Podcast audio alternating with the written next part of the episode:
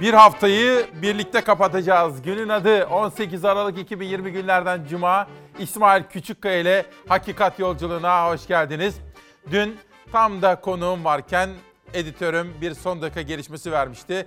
Tarım, çiftçi ve köylüye ilişkin. Bu konudaki gelişmeleri manşet yaptık. Gazete ve manşet turunda da bugün tarım, üretici, köylüye dair gümrük vergileri konusundaki düzenlemenin ne kadar da sakıncalı olduğunun altını çizeceğiz. Ve korona ve aşı. Dün bir yazar üzerinden sizlere aşının Çin'de olduğunu anlatmış ve Türkiye'ye ne zaman gelecek diye bir soru gündeme getirmiştik. Yine takip edeceğimiz konulardan birisi korona ile mücadele ve aşı konusundaki en son gelişmeler ve ekonomi. Başta asgari ücret olmak üzere işsizle, esnafla, emekliyle, EYT'liyle, atanamayanlarla ve halk eğitimdeki usta öğreticilerle ilgili sesleri duymaya ve duyurmaya çalışacağız. Günaydın efendim. İstediğiniz çok açık ve net. Alın terinin karşılığı. Bugünkü manşetimiz bu. Alın terinin karşılığı. Şimdi bu baş döndürücü günde sürprizlerim olacağını, bugünü bu sabahı unutamayacağınızı peşin peşin söyleyeyim dedikten sonra yönetmenim Hilal kardeşimden gazeteleri huzurlarınıza getirmesini rica edeceğim. Bir günde başlıyorum. Bir yok ediş hikayesi. Buğday, arpa ve mısır ithalatında sıfır gümrük vergisi Mayıs'a uzatıldı. AKP'nin iktidara gelişinden bu yana sadece buğday üretiminde vazgeçilen alan İstanbul'un 5 katı büyüklüğünde. Yani neredeyse Belçika kadar. Tarım ülkesi Türkiye'yi dışa bağımlı hale getiren iktidar, buğday, arpa ve mısır ithalatında sıfırladığı gümrük vergisi uygulamasını 5 ay daha uzattı diyor.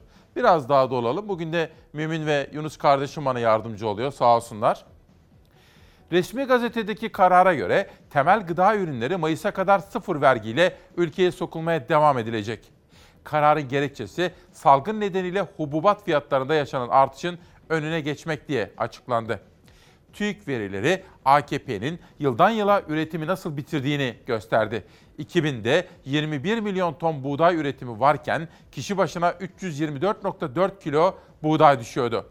2019'a gelindiğinde buğday üretimi 19 milyon tona, kişi başına düşen buğday üretimi 228,5 kilograma kadar düştü. 19 yılda kişi başına düşen üretim 95,9 kilogram azaldı. Yani efendim ez cümle şu. Biz ithalat kolaycılığına başvuruyoruz. İthalat şu demek. Parayı verirsiniz dolarınız varsa yurt dışından alırsınız. Dolayısıyla yurt dışındaki köylüyü, çiftçiyi, üreticiyi sübvanse etmiş, desteklemiş olursunuz. Bu işin kolayı, kısa yoldan. Oysa zoru nedir? Kendi üreticinize destek ve sübvansiyon verirseniz o zaman üreticiniz orta ve uzun vadede refaha erişir. Siz de ulusal güvenliğinizi gıda bağlamında, tarım bağlamında sağlamış olursunuz. Ama tercih bu. Kolayı mı seçiyorsun, zoru mu seçiyorsun? Bir güne döneceğim, bir sonraki gazete gelsin. Korona ile ilgili bir haber, aşıya dair gelişmeler. Profesör Özlü, Oxford aşısı yakın zamanda Türkiye'ye gelecek. Pencere gazetesinin manşetinden okuyorum. Bilim Kurulu üyesi Tevfik Özlü, Türkiye'nin Oxford Üniversitesi ve AstraZeneca tarafından geliştirilmekte olan korona aşısını satın almak için ön sözleşme imzaladığını geldi. Habertürk gazetesi yazarı Muharrem Sarıkaya da dün Ciner grubunun sitesinde Çin aşısının bugünden itibaren Türkiye'ye geleceğini belirtmişti efendim. İşte günün ilk manşetini atıyoruz. Günaydın. Herkes uyandı mı? Aşıyı merak ediyorsunuz değil mi? İşte günün ilk manşeti. Sağlık Bakanlığı'nın bir günde 240 ölüm açıkladığı bir pandemide neredeyse her gün bir uçak düşmüş kadar insanımızı kaybediyoruz. Koronavirüs tablosundaki veriler ürkütmeye devam ederken acı gerçek yerine belirsiz bir aşı gündemiyle tedbirlerin gevşemesinden endişeli uzmanlar. Sağlık Bakanı'nın 11 Aralık'tan sonra geleceğini açıkladığı aşı hala gelmedi. Tarihte belirsiz. Ancak aşı yarın gelse bile hemen uygulanamayacak. En az 14 gün tek tek dozların laboratuvarlarda incelenmesi gerekecek. Bu da en erken Ocak demek. Sağlık Bakanı da net konuşamadı, muhtemelen dedi. Önümüzdeki günlerde Türkiye'ye geleceğini düşünüyorum. Muhtemelen ay sonu veya yılın ilk haftası uygulama başlayabilir. Koronavirüs aşıları gelecek denilmişti. 11 Aralık'ta gelmesi gereken aşı hala gelmedi.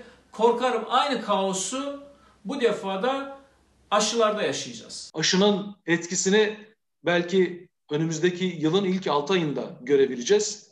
O etki ortaya çıkana kadar etkili önlemler almayı tartışmamız gerekir. Ama tedbirler yerine aşı gelir gelmez salgının bir anda biteceği algısının tehlikeli olduğunun altını çiziyor tüm uzmanlar. 17 Aralık koronavirüs tablosunda da 27.500'ün üzerinde yeni vaka, 243 yeni can kaybı kaydedildi. Toplam ağır hasta sayısı 5803 oldu. Her gün bir uçak düşmüş kadar insanımızı kaybediyoruz. Son zamanlarda yitirdiğimiz insanlar içerisinde yalnızca yaşlılar değil, orta ve genç yaşta olanlar da var.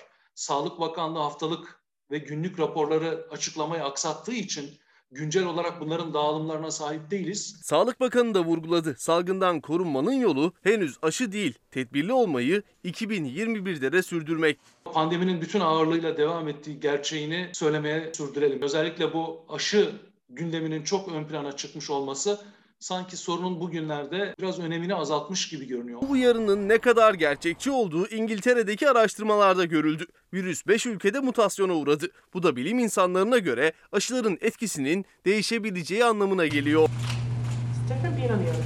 Öte yandan resmi gazetede aşı ile ilgili önemli bir karar yayınlandı. Covid-19 aşısı için ruhsatlandırma yönetmeliğine acil kullanım onayı hükmü eklendi. Düzenlemeyle bulaşıcı hastalık kapsamında kabul edilen hastalıklara karşı uygulanacak aşılara etkinlik, güvenilirlik ve kaliteyle ilgili kapsamlı veriler sağlanamasa dahi acil kullanım onayı verilebilecek.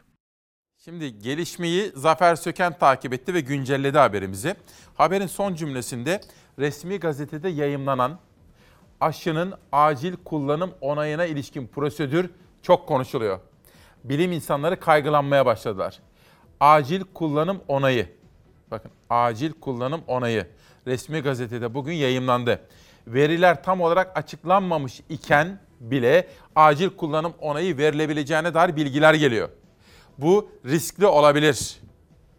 Dolayısıyla bu konuda açıklayıcı bilgilere ihtiyacımız var. İşte bu sabah peşine takılacağımız sorulardan birisi bu. Uyananlar Mümtaz Avcı ve EYT'li Hüseyin de uyanmış. İstediğimiz alın terinin karşılığı diyorlar efendim. Öncelikle hastalarımıza, şifa bekleyenlere geçmişler olsun diyorum. Şu anda hastane odasında bizimle birlikte olan Naci Gümüş, o da koronayla mücadele ediyor, tedavisi devam ediyor. Naci Gümüş'ün şahsında bütün hastalarımızı da sevgi ve saygıyla geçmiş olsun dileklerimle selamlıyorum efendim. Hürriyet gazetesine geçiyorum. Bu fotoğraflar aynı yerde çekildi. Dikkatle bakmanızı rica edeceğim. Emre Eser'in haberi Hürriyet'ten.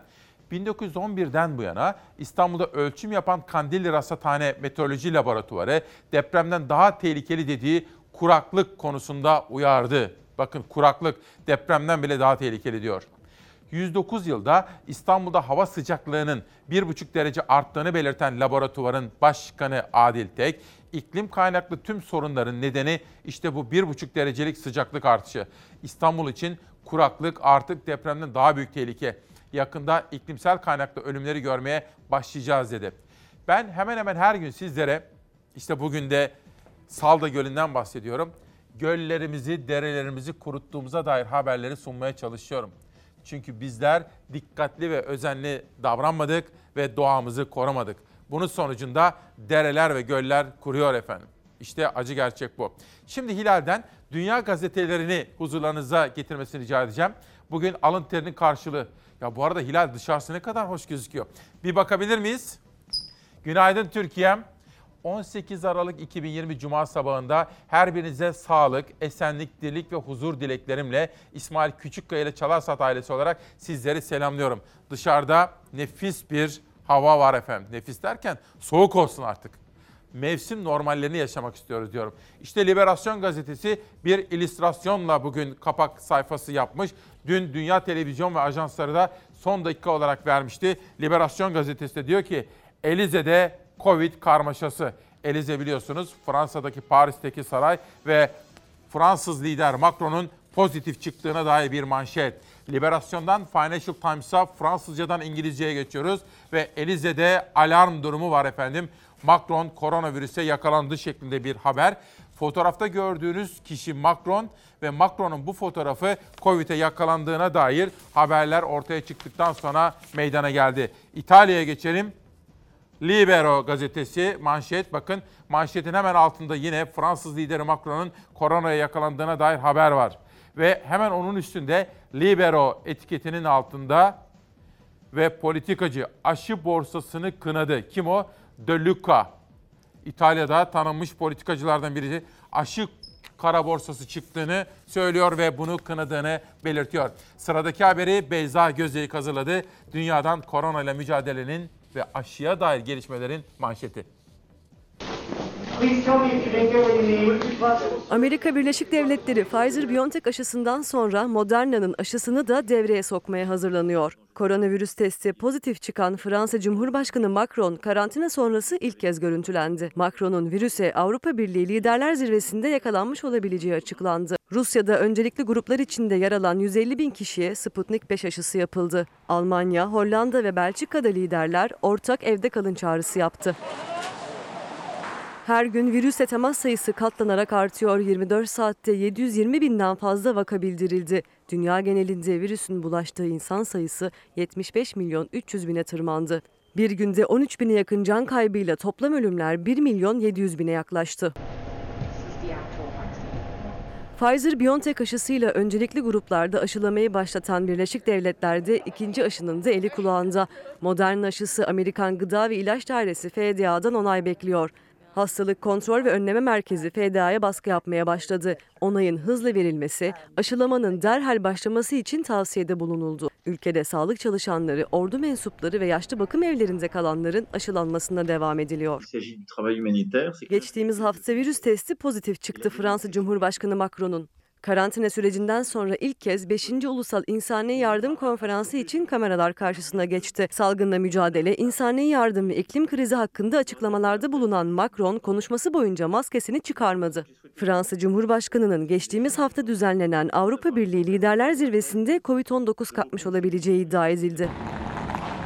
Sıkı tedbirler getirilen ticari işletmeleri kapatan ülke liderlerinden ortak çağrı geldi. Sokağa çıkma yasağı olmasa da kalabalıkların dışarıda toplanması yasak. Alınabilecek en sıkı tedbirleri alsalar da Almanya, Belçika ve Hollanda'dan bir de ortak çağrı yapıldı. Hollanda ve Belçika başbakanlarıyla Almanya'nın Kuzey Ren-Vesfalya eyaletinin başbakanı kamera önüne geçti. Halka evde kalın çağrısı yaptılar. Basın toplantısı düzenleyen Rusya devlet lideri Putin'in gündeminde salgın ve Sputnik 5 aşısı vardı. Virüsle mücadelede başarılı olduklarını vurgulayan Putin aşıyla ilgili verileri de paylaştı. Öncelikli gruplardan 150 bin kişinin aşılandığını açıkladı. Hem Türkiye'den hem dünyadan çok farklı manşetler aktaracağım. Bugünün manşetini söylüyorum size. Çok konuşulacak. Bugün gün boyu ve akşam çok konuşulacak. Resmi gazetede yayımlanan düzenleme aşıya dair bilimsel bilgilerin tam olarak netleşmesi beklenmeden, veriler tam olarak paylaşılamadan da onay verilebilecek. Bu kamu sağlığı açısından riskli olabilir mi? İşte uzmanlar bu sorunun yanıtını arıyor. Uyananlara şöyle bakalım. Mersin uyanmış, Sera, Sera Karatepe uyanmış ve alın terinin karşılığı gençlerimiz için de istiyor. Özlem Taysi, umutluyuz ama asgari ücret konusunda alın terin karşılığını alabilecek miyiz diye soruyor. Defne Hanım, Ahmet Ballıoğlu, Kazım Karagöz ve Leyla Tatar da alın terinin karşılığını istediklerine dair haber ve katılımlarla bizimle birlikte. Böylece bir gün Pencere Hürriyet Sözcü'ye geldi sıra. ABD'nin Türkiye'yi hasım görmesi kabul edilemez. Aytun Çerkin'in özel röportajı İlker Başbuğ'la yapılmış. Genelkurmay eski başkanı İlker Başbuğ çarpıcı değerlendirmelerde bulundu. Amerika'nın Rus yapımı S-400'leri aldığı için Türkiye yaptırım uygulama kararı ikili ilişkilerde yeni bir gerginlik başlattı. İlker Başbuğ, ABD'nin tavrıyla ilgili tespitlerini şöyle sıraladı. Bugün itibarıyla asıl önemli olan nokta ABD'nin ilk defa bir NATO müttefikine Amerika'nın hasımlarıyla yaptırımlar yoluyla mücadele yasasını uygulamaya geçirmiş olmasıdır. Hasım tanımlaması ülkemiz için kabul edilemez bir durumdur. Bu siyasi anlamda 1974'teki silah ambargosundan daha ağırdır diyor efendim. Sözcüden bir haber daha akabinde Sabah gazetesini okuyacağız. Gel de eleştirme. Yaşar Antar'ın haberi. Hastaneye kaynak yok, Diyanete kaynak var. İktidar yandaşları Diyaneti eleştirmek Haçlılara destektir diyor ama Bodrum'da 4 yıldır parasızlıktan hastane bitirilemezken Diyanet 100 milyona külliye yapıyor. Diyanet'in Bodrum'da başlattığı külliye inşaatı tartışma yarattı. Çünkü ruhsatın usulsüz olduğu iddia ediliyor. Danıştay'da dava süreci devam ediyor. Peki Diyanet'in 100 milyon liraya yapacağı dev tesise Bodrum'un ihtiyacı var mı? Halka sorulmadığı için bilinmiyor ama bilinen bir gerçek var ki mega ilçedeki devlet hastanesinin yetersizliği. 2016'da 150 yataklı devlet hastanesi inşaatı başladı. Ancak parasızlıktan 4 yıldır bitmiyor. Bu yüzden Diyanet Külliyesi tepki çekti. Ben işte bugün ilk zihin egzersizini bu konuda yapmanızı rica edeceğim. Ne diyorsunuz bu konuda? Denizden hazır külliye 100 milyona mal olacakmış Diyanet'e Bodrum'da. Bitince böyle olacakmış. Bodrum'da Diyanet'in kullanıma hazırlanacak. Ama hastane ihtiyacı var. Külliyeye 5 kilometrede fakat oraya yeterli kaynak bulunamadığı için kaç senedir bitmiyormuş. Bu konudaki duygu, düşüncelerinizi bana yazarsanız sevinirim efendim. Günaydın Türkiye'm. Dün 17 Aralık'ta diyoruz ki ne olursan ol bize gel.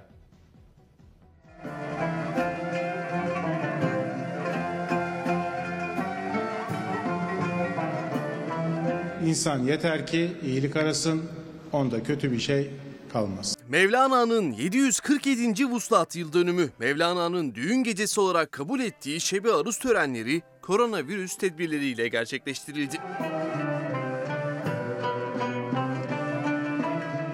Yolu bulmak için yolcuya tarif gerekir. Ama önce yola çıkmaya niyet etmek şarttır.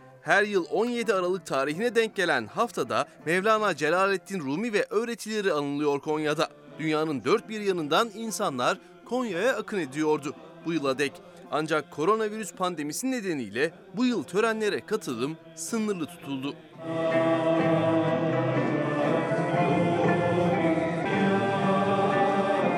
Sağlıklı günlerde daha coşkun ve farklılıklarla zenginleşmiş kalabalıklarda birlikte olma temennisini dile getirirken bu yıl internet ve sosyal medya mecralarında Şebi Arus paylaşımlarımızın 150 milyon gösterime ulaştığı bilgisini de büyük bir memnuniyetle paylaşmak istiyorum. Kültür ve Turizm Bakanı Mehmet Nuri Ersoy Mevlana'yı anlamanın öneminden bahsetti.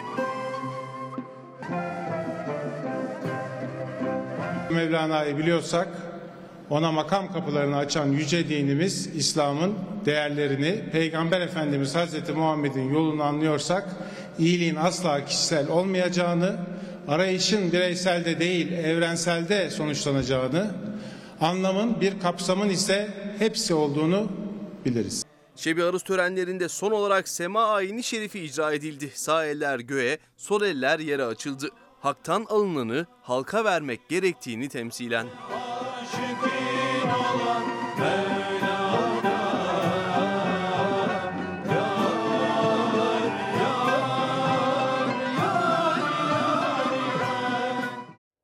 Eskiden ne çok giderdim ben o törenlere muhabir olarak. Liderleri izlerken.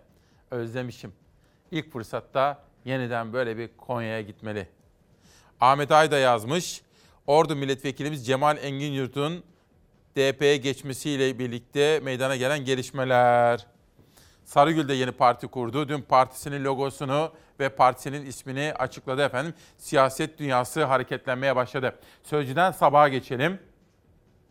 Sabahtan bir manşet 2021'de iddialıyız. Sabahın 35. yıl buluşmasında 7 bakan yeni yılın vizyonu çizdi diyor ve Ekonomi Bakanı ile görüşmüşler Lütfü Elvan'la, Çevre Şehircilik Bakanı Murat Kurum'la konuşmuşlar, Milli Eğitim Bakanı ile konuşmuşlar, Kültür ve Turizm Bakanı ile, Ticaret Bakanı ile, Tarım ve Orman Bakanı ile ve Enerji ve Tabi Kaynaklar Bakanı ile yaptıkları temaslardan birinci sayfaya haber aktarmışlar efendim. Bir de Cumhurbaşkanı ve AK Parti lideri Recep Tayyip Erdoğan'ın manşeti var. Bölücü teröre bölgede yer yok diyor.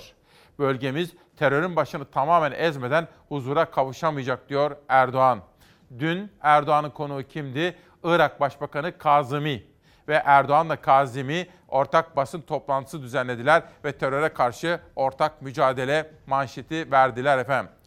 Dün Mansur Yavaş'la ilgili bir haber vermiştik. Mansur Yavaş yani şöyle bir şey gelişti. Bilmiyorum siz de bana katılır mısınız? Böyle Mansur Yavaş tipi bir sosyal belediyecilik kavramı gün be gün yerleşmeye başladı. Pandemi döneminde servislerimiz işsiz kaldı. Okullarımız kapandığından dolayı e, bütün esnafımız kontak e, kapattık, açamadık. Borçlarımızı ödeyemedik. Kredilerimiz hep ertelendi. Pandemi nedeniyle okullar yüz yüze eğitime ara verdiğinden beri yani aylardır tekerlekleri dönmedi, kazançları yok. Ankara Büyükşehir Belediyesi borcuna borç katarak geçinmeye çalışan servisçilere kazanç sağlamaları için servislerini günlük kiralamaya başladı. Kontak kapatanlar oldu, işsiz kalanlarımız oldu, işten atılanlar oldu. Ankara Servis Aracı İşletmecileri Esnaf Odası ile yapılan anlaşmaya göre her gün iş ihtiyacı olan 28 şoförün servisi kiralanıyor. Ankara Büyükşehir Belediyesi'nin 11 bin ihtiyaç sahibi aileye gönderdiği yardımları o servisler ulaştırıyor. boşta duran servisçi arkadaşlara da bir iş imkanı sağlamak istedik. Mart'tan bu tarafa mağdur durumdayız.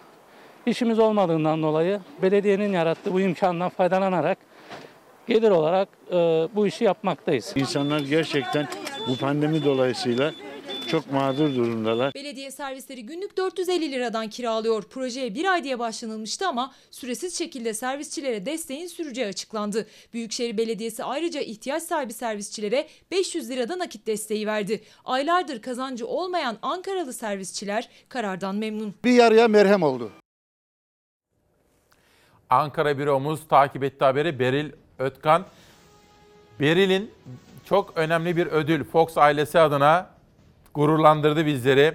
Fox tabii Türkiye'nin bağımsız kanalı ve muhabirlerimiz pırıl pırıl parlıyorlar. Bütün Türkiye'den, İstanbul'dan, Ankara'dan ve Beril'in aldığı ödülü de kutluyoruz. O haberi de sizlere aktarmak istiyorum. Muazzam bir ödüldü. Bu arada bugün köylü ve çiftçiye dair Çalarsat gazetesi yaptık. Zeray Kınacı çok özenerek ve Orkun da yine özenerek çizdi. Danışmanım Nihal Kemaloğlu da beni dün uyarmıştı. Sosyal medyada sana ulaşmaya çalışıyorlar. Halk eğitimlerdeki görevli usta öğreticiler. Onlar da sayıları 90 bini aşmış haklarının verilmesini istiyorlar. Hak mücadelesi veriyorlar. Halk eğitimlerdeki usta öğreticiler. Onların sesini de duymaya ve duyurmaya çalışacağım. Şimdi dün sizlere söylemiştim. Hukuk dünyası adına Ankara Barosu, Türkiye Barolar Birliği ve bütün hukuk dünyası adına bir acı kayıp, bir değerli isim. Avukat Atilla Sav. Türkiye Barolar Birliği'nin kurucu genel sekreteri, 80 ve 83 dönemi başkanı, 1970-71 Ankara Barosu Başkanı, eski milletvekili, Çalışma Bakanı, Enerji ve Tabi Kaynaklar Bakanı, hukuk devleti idealinin Yılmaz savunucusu, ömrünü avukatlık mesleğinin gelişmesine adamış, ülkemizin her alanda çağdaş uygarlık düzeyinin de üzerine çıkması için mücadele etmiş mümtaz insan avukat Atilla Sav. 16 Aralık'ta vefat etti efendim. Ben de kendisine rahmet dilerken kederli ailesine ve hukuk dünyasına başsağlığı diliyorum. Sabahtan Karar gazetesine geçiyorum. Camiye metroyu bakanlık yapacak. İBB'nin kısıtlı yolcu kapasitesi nedeniyle verimli değil raporu hazırlayıp 2023 sonrasına bıraktığı Çamlıca Camii metrosunun yapımını Ulaştırma Bakanlığı üstlendi. Hepiniz şunu çok iyi bileceksiniz. Herhangi bir olayı konuşurken, yorumlarken aslında bir bağlamına bakmamız gerekiyor. Şimdi bu işin sonucu.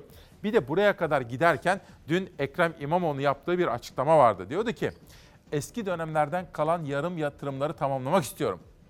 İstanbul'un hizmete ihtiyacı var. Başta metro olmak üzere. Fakat kaynak yok. Belediyenin mali tablosu iyi değil. Biz de dışarıdan uygun koşullarda borçlanarak yarım kalmış bu yatırımları tamamlamaya çalışıyoruz diyor İmamoğlu. Peki ne oluyor? Bazen orada bazen burada en sonunda hazinede kendisine fren konulduğunu söylüyor Ekrem İmamoğlu. Yapmayınız dedik biz de ve iyilikte yarışınız. Birbirinizi engellemeyiniz demiştik. Halk yolunda hizmetin siyasi çıkar hesaplarıyla engellenmesinin ne kadar zararlı olduğunun altını çizmiştik. Bu konuda da haberlerim 9 kuşağında sizlerle olacak. Efendim günaydın. Yeni bir günü, bir haftayı bitirirken günün ve haftanın hava durumu. Marmara ve Karadeniz'de gökyüzü genellikle çok bulutlu. İstanbul ve çevresinde yağış ihtimali var. Yurdun genelinde geceden sabaha hava sisli olacak. İç ve doğu kesimlerde ise yoğun buzlanmaya dikkat. Haftanın son iş günü sis ve buzlanma ile başlayacak pek çok bölgede. Yağış bırakacak bulutlar yurdun kuzeyinde. İstanbul'da birkaç gündür olduğu gibi bugün de hava kapalı, aralıklarla yağış olacak. Yağış ihtimali Marmara ve Karadeniz'de sınırlı. Yurdun kalan kesimlerinde gökyüzü bol güneşli olacak. Güneş görüldüğü için nispeten ısıtsa da sıcaklıklar düşüşte. Bugün Marmara bölgesinde sıcaklıklar düşüyor. Mevsim normalleri seviyesine geliyor. Hafta sonunda da yağış ihtimali yine yurdun kuzey hattında. Marmara, İç Anadolu ve Karadeniz çok bulutlu. Cumartesi Marmara bölgesinin doğusuyla Karadeniz'de yağış bekleniyor. Doğu Karadeniz'de tüm bölgenin yükseklerinde karla karışık yağmur ve kar ihtimali var. Pazar günü ise bulutlar seyreliyor. Yağış ihtimali Doğu Karadeniz'e çekiliyor. Bugünden itibaren soğuyan havanın etkisi önümüzdeki haftada hissedilecek. Ancak bugünden bakıldığında yeni haftada kuraklık endişesini giderecek yağış görülmüyor. Şimdi günün köşe yazılarından da bahsedeceğim. Fakat haber dikkatinizi çekmiş olabilir. Sizler çok çok dikkatlisiniz. Ezgi Gözeger'in sesini duymaya alışkınsınız hava durumu haberlerinde. Fakat Ezgi gece yarısı Ezgi'nin eşi Onur bir rahatsızlandı böyle ateşi falan çıktı ve hastaneye gittiler test yaptırdılar ve Ezgi Gözeger de tedbiren evinde karantinaya aldı kendisine hava durumu haberinde o nedenle onun sesini duymadınız. Bu arada Çalarsat ailesinden her gün bizimledir Özlem Ergü ve onun da kıymetli babası da bizimleydi. Ve Çalarsat ailesinden Necat Bey, Necat Kılıçoğlu'nu da Covid'den kaybettik efendim. Özlem Hanım'a da ailesine de başsağlığı ve sabır diliyorum. Koronadan çok çok insanımızı kaybettik. Sırada Cumhuriyet var sabah ve karardan sonra. Sahte diplomayla sistemi tuş etmiş. İklim Öngel'in manşeti. Vekillik, baş danışmanlık ve banka yöneticiliği yapan Yerlikaya ceza ertelemesiyle kurtulmuş. Cumhurbaşkanı Başdanışmanı, Gençlik ve Spor Bakan Yardımcısı, Vakıfbank Yönetim Kurulu Başkan Yardımcısı, eski AKP milletvekili ve eski güreş Hamza Yerlikaya'nın yargılandığı mahkemenin kararına Cumhuriyet ulaştı. Karara göre ortaokul mezunu Yerlikaya sahte dip, lise diploması kullanmış. Yerlikaya'nın ifadesine de yer verilen kararda diplomayı bilerek kullandığı ve resmi evrakta sahtecilik yaptığı vurgulandı. Hükmün ertelenmesiyle cezadan kurtulan Yerlikaya, milyonlarca üniversitenin işsiz gezdiği ülkede yasalara aykırı olarak görev yapıyor diyor. Bu haberde tabii bir şey daha dikkatinizi çekmiş olmalı. Yani sizler Allah hepimize akıl fikir vermiş değil mi? Sorgulamamız gerekiyor. Ülkede bizim, memleket bizim, devlet bizim. Sorgulayan zihinler olmamız gerekiyor. Buradaki dikkatinizi çeken başka bir husus var mı efendim? Yani gazetenin iddiası, sahte diploma iddiasının dışında. Şunu soruyor musunuz?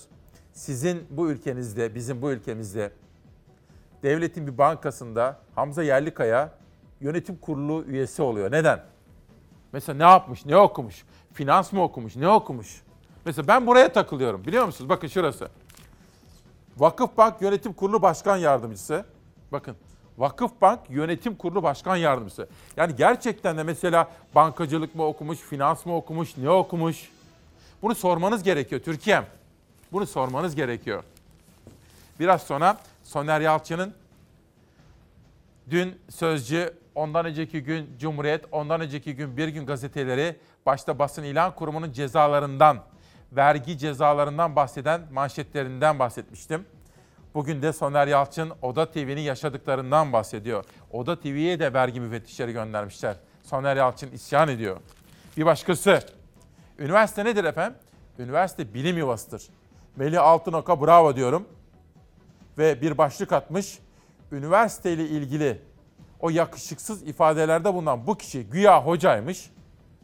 Ve Melih Altınok kendi üslubu içerisinde çok önemli bir yazı yazarak o hocanın, güya hocanın alması gereken mesajı ve dersi vermiş efendim. Dün akşam Olay TV'de, Olay TV biliyorsunuz Cavit Çağlar grubunun televizyonu. Olay TV'de Murat Yetkin'in konu Kılıçdaroğlu'ydu. Arkadaşlarım sizler için oradan bir manşet seçti. Birincisi şu, bir ittifak yapmışsanız, siz bu ittifakı dışlayıp bağımsız hareket ederseniz yanlış yapmış olursunuz. Karşı tarafta yani Cumhur İttifakı'nda demokratik kültürü yok zaten. İtaat kültürü var.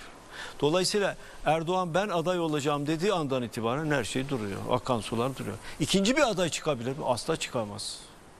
Çünkü herkes aklını ve emeğini Erdoğan'a borçlu olduğunu düşünüyor. Geleceğini de Erdoğan'a borçlu olarak düşünüyor. Dolayısıyla ben bağımsız olarak ben de Cumhurbaşkanı adayı olabilirim dediği andan itibaren kapının önüne konulacağını da biliyor. Siyasi hayatının biteceğini de görüyor. Tek adam rejimlerinin kuralı budur. Bu sadece Türkiye özgü değil. Peki gelelim size. İkinci şeye gelince. Evet Millet İttifakı olarak eğer olay Cumhurbaşkanlığı seçimi sürecine girer ve gelirsek elbette bu ittifakı oluşturan siyasi partiler bir araya gelirler. Henüz konuştunuz mu? Hiç Hayır. konu aranı... Hayır konuşmadık. İstiyor Çünkü- musunuz E, peki? konuşmayı mı? Hayır. Konuşmayı Hayır, ona, istiyorsunuz. Ona ben karar vermem. Hı. Ona ben karar. Siz- Ona bizim millet. Şimdi bakın. Bir, Millet İttifakı'nın liderleri olarak şu, oturacağız. Şunu düşüneceğiz.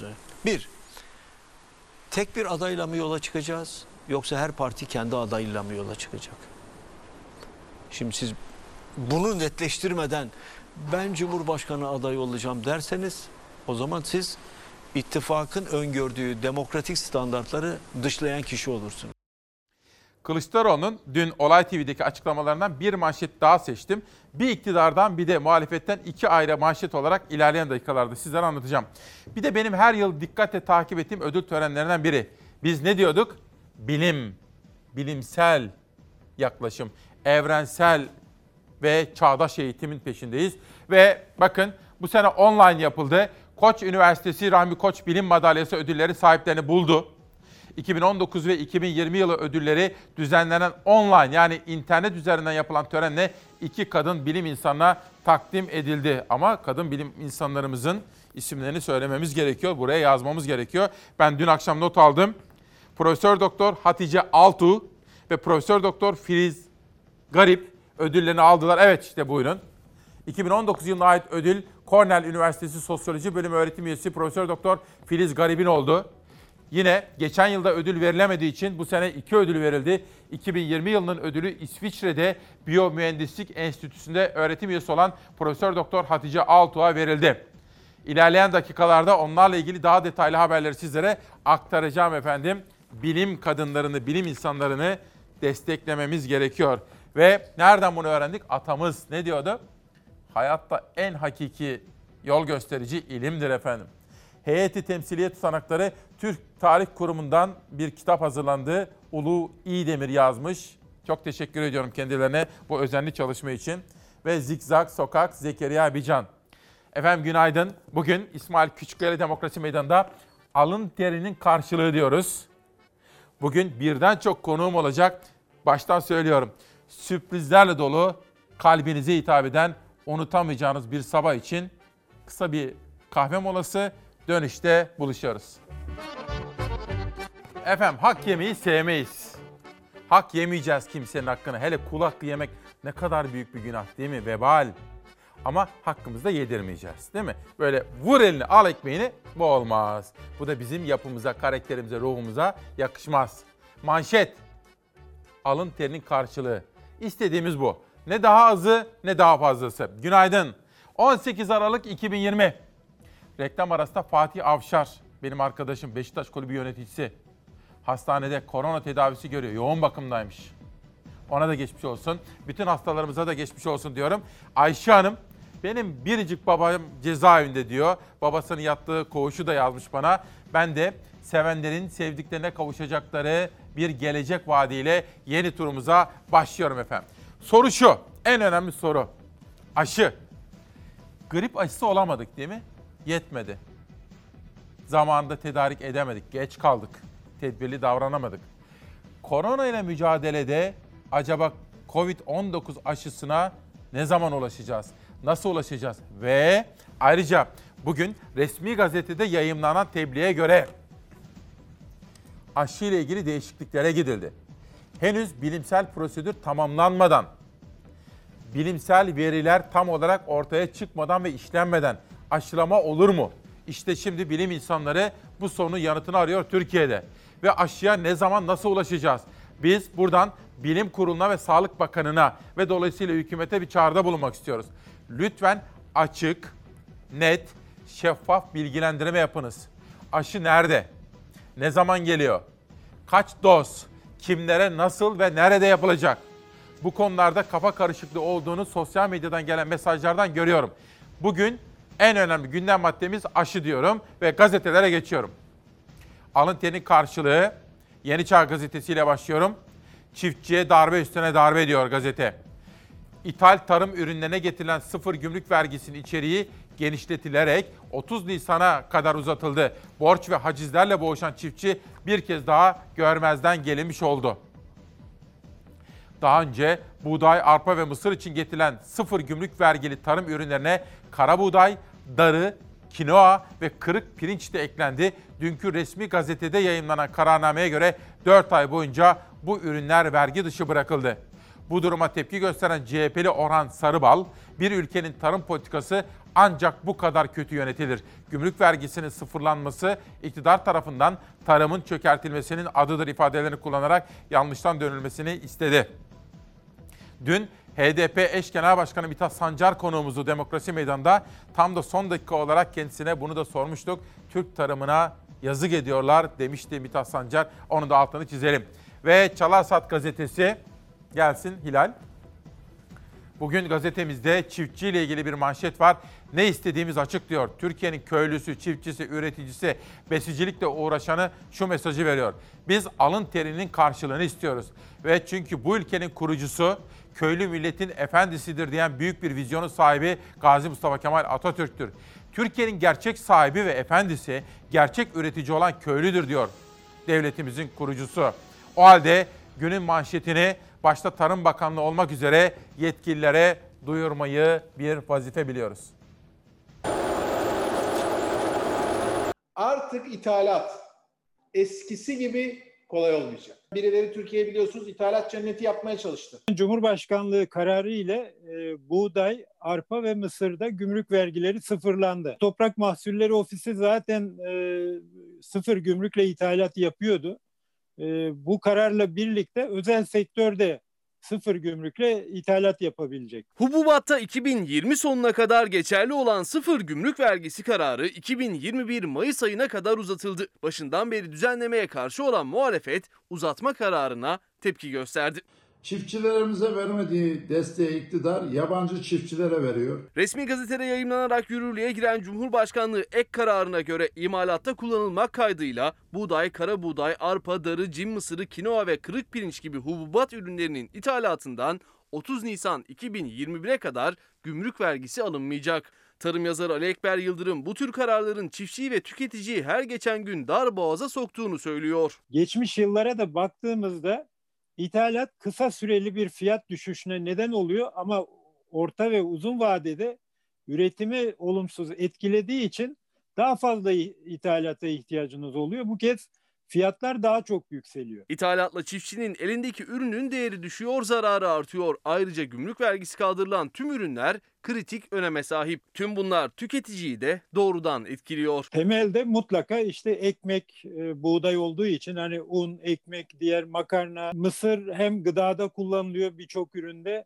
hem de e, bitkisel yağ sanayinde değerlendiriliyor. Hayvancılık sektörü açısından baktığımızda yem olarak e, yine mısır kullanılıyor. Yem de zaten işte hayvanları besliyoruz. Onunla et, süt, yumurta gibi yine hayvansal ürünler elde ediyoruz. Dolayısıyla hani aklımıza gelen neredeyse hemen hemen her e, ürün, her grup etkilenmiş olacak. CHP Niğde Milletvekili Ömer Fethi Gürer ithalat yerine çiftçiye destek verilmeli diyor. Kendi çiftçimize destek vererek bu yurt dışından gelecek ithalatın önünü kesebiliriz. Gümrükleri sıfırlayarak yurt dışından ucuza da buğday getirmiyoruz. Tarım yazarı Ali Ekber Yıldırım'a göre gıda parayla satın alınamayacak kadar değerli olacak. O yüzden üretimi desteklemek şart. Paranız var ama ithalat yapamıyorsunuz çünkü adam satmıyor. Önce kendi tüketicim diyor. Bu haberi de derleyip toparladı editörüm Zeray Kınacı. Bugün Ezgi Gözeger'de yok çünkü eşi yüksek ateşle uyandı gece ve Covid olma ihtimali var. Test yaptırdı. O da tedbiren evde. Bugün haber masasında 3 arkadaşım var. İşte dediğim gibi Zeray Kınacı, ve onun dışında Zafer Söken ve Beyza Gözek 3 arkadaşım haber yaptı. Dışarıdan bana hem gündem çalışması hem de sosyal medya taramasıyla Nihal Kemaloğlu yardımcı oldu. Kameradaki arkadaşlarımı söylemiştim. Yönetmen Hilal biraz sonra Hilal'le Savaş Yıldız arasında da bayrak değiş tokuşu yapılacak ve rejideki bütün kurgu servisteki Recep kardeşime ve Gürkan kardeşime de emekleri için teşekkür ediyorum. Bugün alın terin karşılığı. Efendim çok üstünde duruyor gibi görünüyorum ama aşıyı daha çok konuşmamız gerekiyor. Aşılama yapabilmemiz gerekiyor. Koronaya karşı. Fakat burada bir bilgi eksikliği görüyorum. Henüz aşılar gelmedi. Çin'de. Geciktik mi? Nereden kaç doz aşı gelecek? Hangisini nasıl olacağız? Kimler aşı olacak? Bu konularda bence Sağlık Bakanlığı ve Bilim Kurulu'nun ve hükümetin, başta hükümetin başı Sayın Erdoğan'ın da bilgilendirme yapması gerekiyor. İnanın bana kafa karışıklığı hat safhada. Bütün Avrupa ve dünya ülkelerinde aşılamayla ilgili gelişmelere bakın, bir de bize bakın. Olmaz diyor ve yeni çağdan dünyaya geçiyorum. Bu konuyu takip edeceğim aşıyı. Yener Karadeniz, sanayici esnek çalışmaya kalıcı mevzuat istiyor. Salgınla birlikte öne çıkan esnek çalışma modelinin olağan döneme taşınmasının verimlilikte ve istihdamda artış yaratacağı savunuluyor diyor. Ve Odalar Birliği'nden Cengiz Eroldu, Şeref Fayat, Adil Perister, Ahmet Güleç ile çok farklı toplumsal kesimlerle konuşmalar yapılmış ve manşetlerde aktarılmış. Mustafa Özaslan, bizim Ankara'dan benim sanatçı arkadaşım. Abi diyor müzisyenlerin durumu çok kötü diyor. Öyle 500 liralık, 1000 liralık 3 aylık destek de olmaz. Verdiği rakamlar var, yaşanan olaylar, öyküler var. Pandemi zamanında her yer kapalı ve müzisyenler, müzikle uğraşanlar çok zor durumdalar. Mustafa Özaslan buna dikkat çekmek istiyor. Ankara bunu, bu sesi duysun diyor efendim. Hilal nereye gidelim? Peki Hilal diyor ki Putin'e gidelim. Putin'in yıllık toplantısında Cumhurbaşkanı Erdoğan'la ilgili Putin'den övgü dolu sözler geldi. Э, У нас э, расходятся часто взгляды на отдельные вопросы с, э, с президентом Эрдоганом. Может быть, иногда даже противоположные там, взгляды. Но это человек, который держит слово. Мужчина. Он хвостом не виляет. он- если он считает, что это выгодно для его страны, он идет до конца. Putin'den Erdoğan'a övgü dolu sözler. Biliyorsunuz Trump da böyle demişti. Trump'ı eleştirdiler. Böyle iki ya da üç ay kadar önce sizlere haber sunmuştuk hatırlıyor musunuz? Trump'a dediler ki dünyada saygınlığımız kalmadı sizin yüzünüzden dediler. O da öyle olur mu dedi. Benim başkalarıyla görüşemeyen liderler var. Ben onlarla görüşüyorum. Onlarla aynı dili konuşabiliyorum demişti. Erdoğan da dünyada görüşebildiği ve karşılıklı söz dinletebildiğini söylediği iyi ilişkim var dediği Trump'ın 5 liderden biri de Erdoğan'dı efendim. Bir gün gazetesi bir yok ediş hikayesi. Buğday, arpa ve mısır ithalatında sıfır gümrük vergisi mayısı uzatıldı. AKP'nin iktidara gelişinden bu yana sadece buğday üretiminde vazgeçilen alan İstanbul'un 5 katı büyüklüğünde. Yani neredeyse Belçika kadar. Tarım ülkesi Türkiye'yi dışa bağımlı hale getiren iktidar, buğday, arpa ve mısır ithalatında sıfırladığı gümrük vergisi uygulamasını 5 ay daha uzattı. Resmi gazetedeki karara göre temel gıda ürünleri Mayıs'a kadar sıfır vergiyle ülkeye sokulmaya devam edilecek. Kararın gerekçesi salgın nedeniyle hububat fiyatlarında yaşanan artışın önüne geçmek diye açıklandı diyor. Ve bir takım verileri de derleyip toparlamış Bir Gün Gazetesi editörleri. Bir hak arama mücadelesi daha var efendim. Halk eğitimlerinde görevli usta öğreticiler de hak mağduriyetine uğradıklarını söylüyor ve sosyal medya platformlarında başta Twitter olmak üzere yoğun bir şekilde kampanya sürdürüyor halk eğitimci usta öğreticiler. Bir de Cavit Çağlar var. Cavit Çağlar'ın kanalı Olay TV'de dün akşam Murat Yetkin'in konuğu CHP lideri Kılıçdaroğlu'ydu. Erdoğan'a yönelik övgü dolu Putin'in sözlerinden şimdi Kılıçdaroğlu'nun Olay TV'deki açıklamalarına geçiyoruz. çıkacak kişi, ülkeyi yöneten kişi yani Erdoğan çıkacak diyecek ki benim için bir vatandaşın hayatını kaybetmesi göze alamayacağım kadar e, e, Büyük bir zor bir zor bir iştir. Yani veya büyük bir felakettir bu. Bunun bir insanın hayatını korumak lazım. Hani insanı Evet, evet. yaşat ki devlet e, yaşasın diye bir geleneğimiz de var. Tarihsel süre içinde baktığımızda. Benim için insan hayatı çok önemlidir. Dolayısıyla biz bu kararları oturalım, müşterek alalım ve bu kararları alırken şunu şunu şunu şunu yapacağız. İki, bakın. Evet.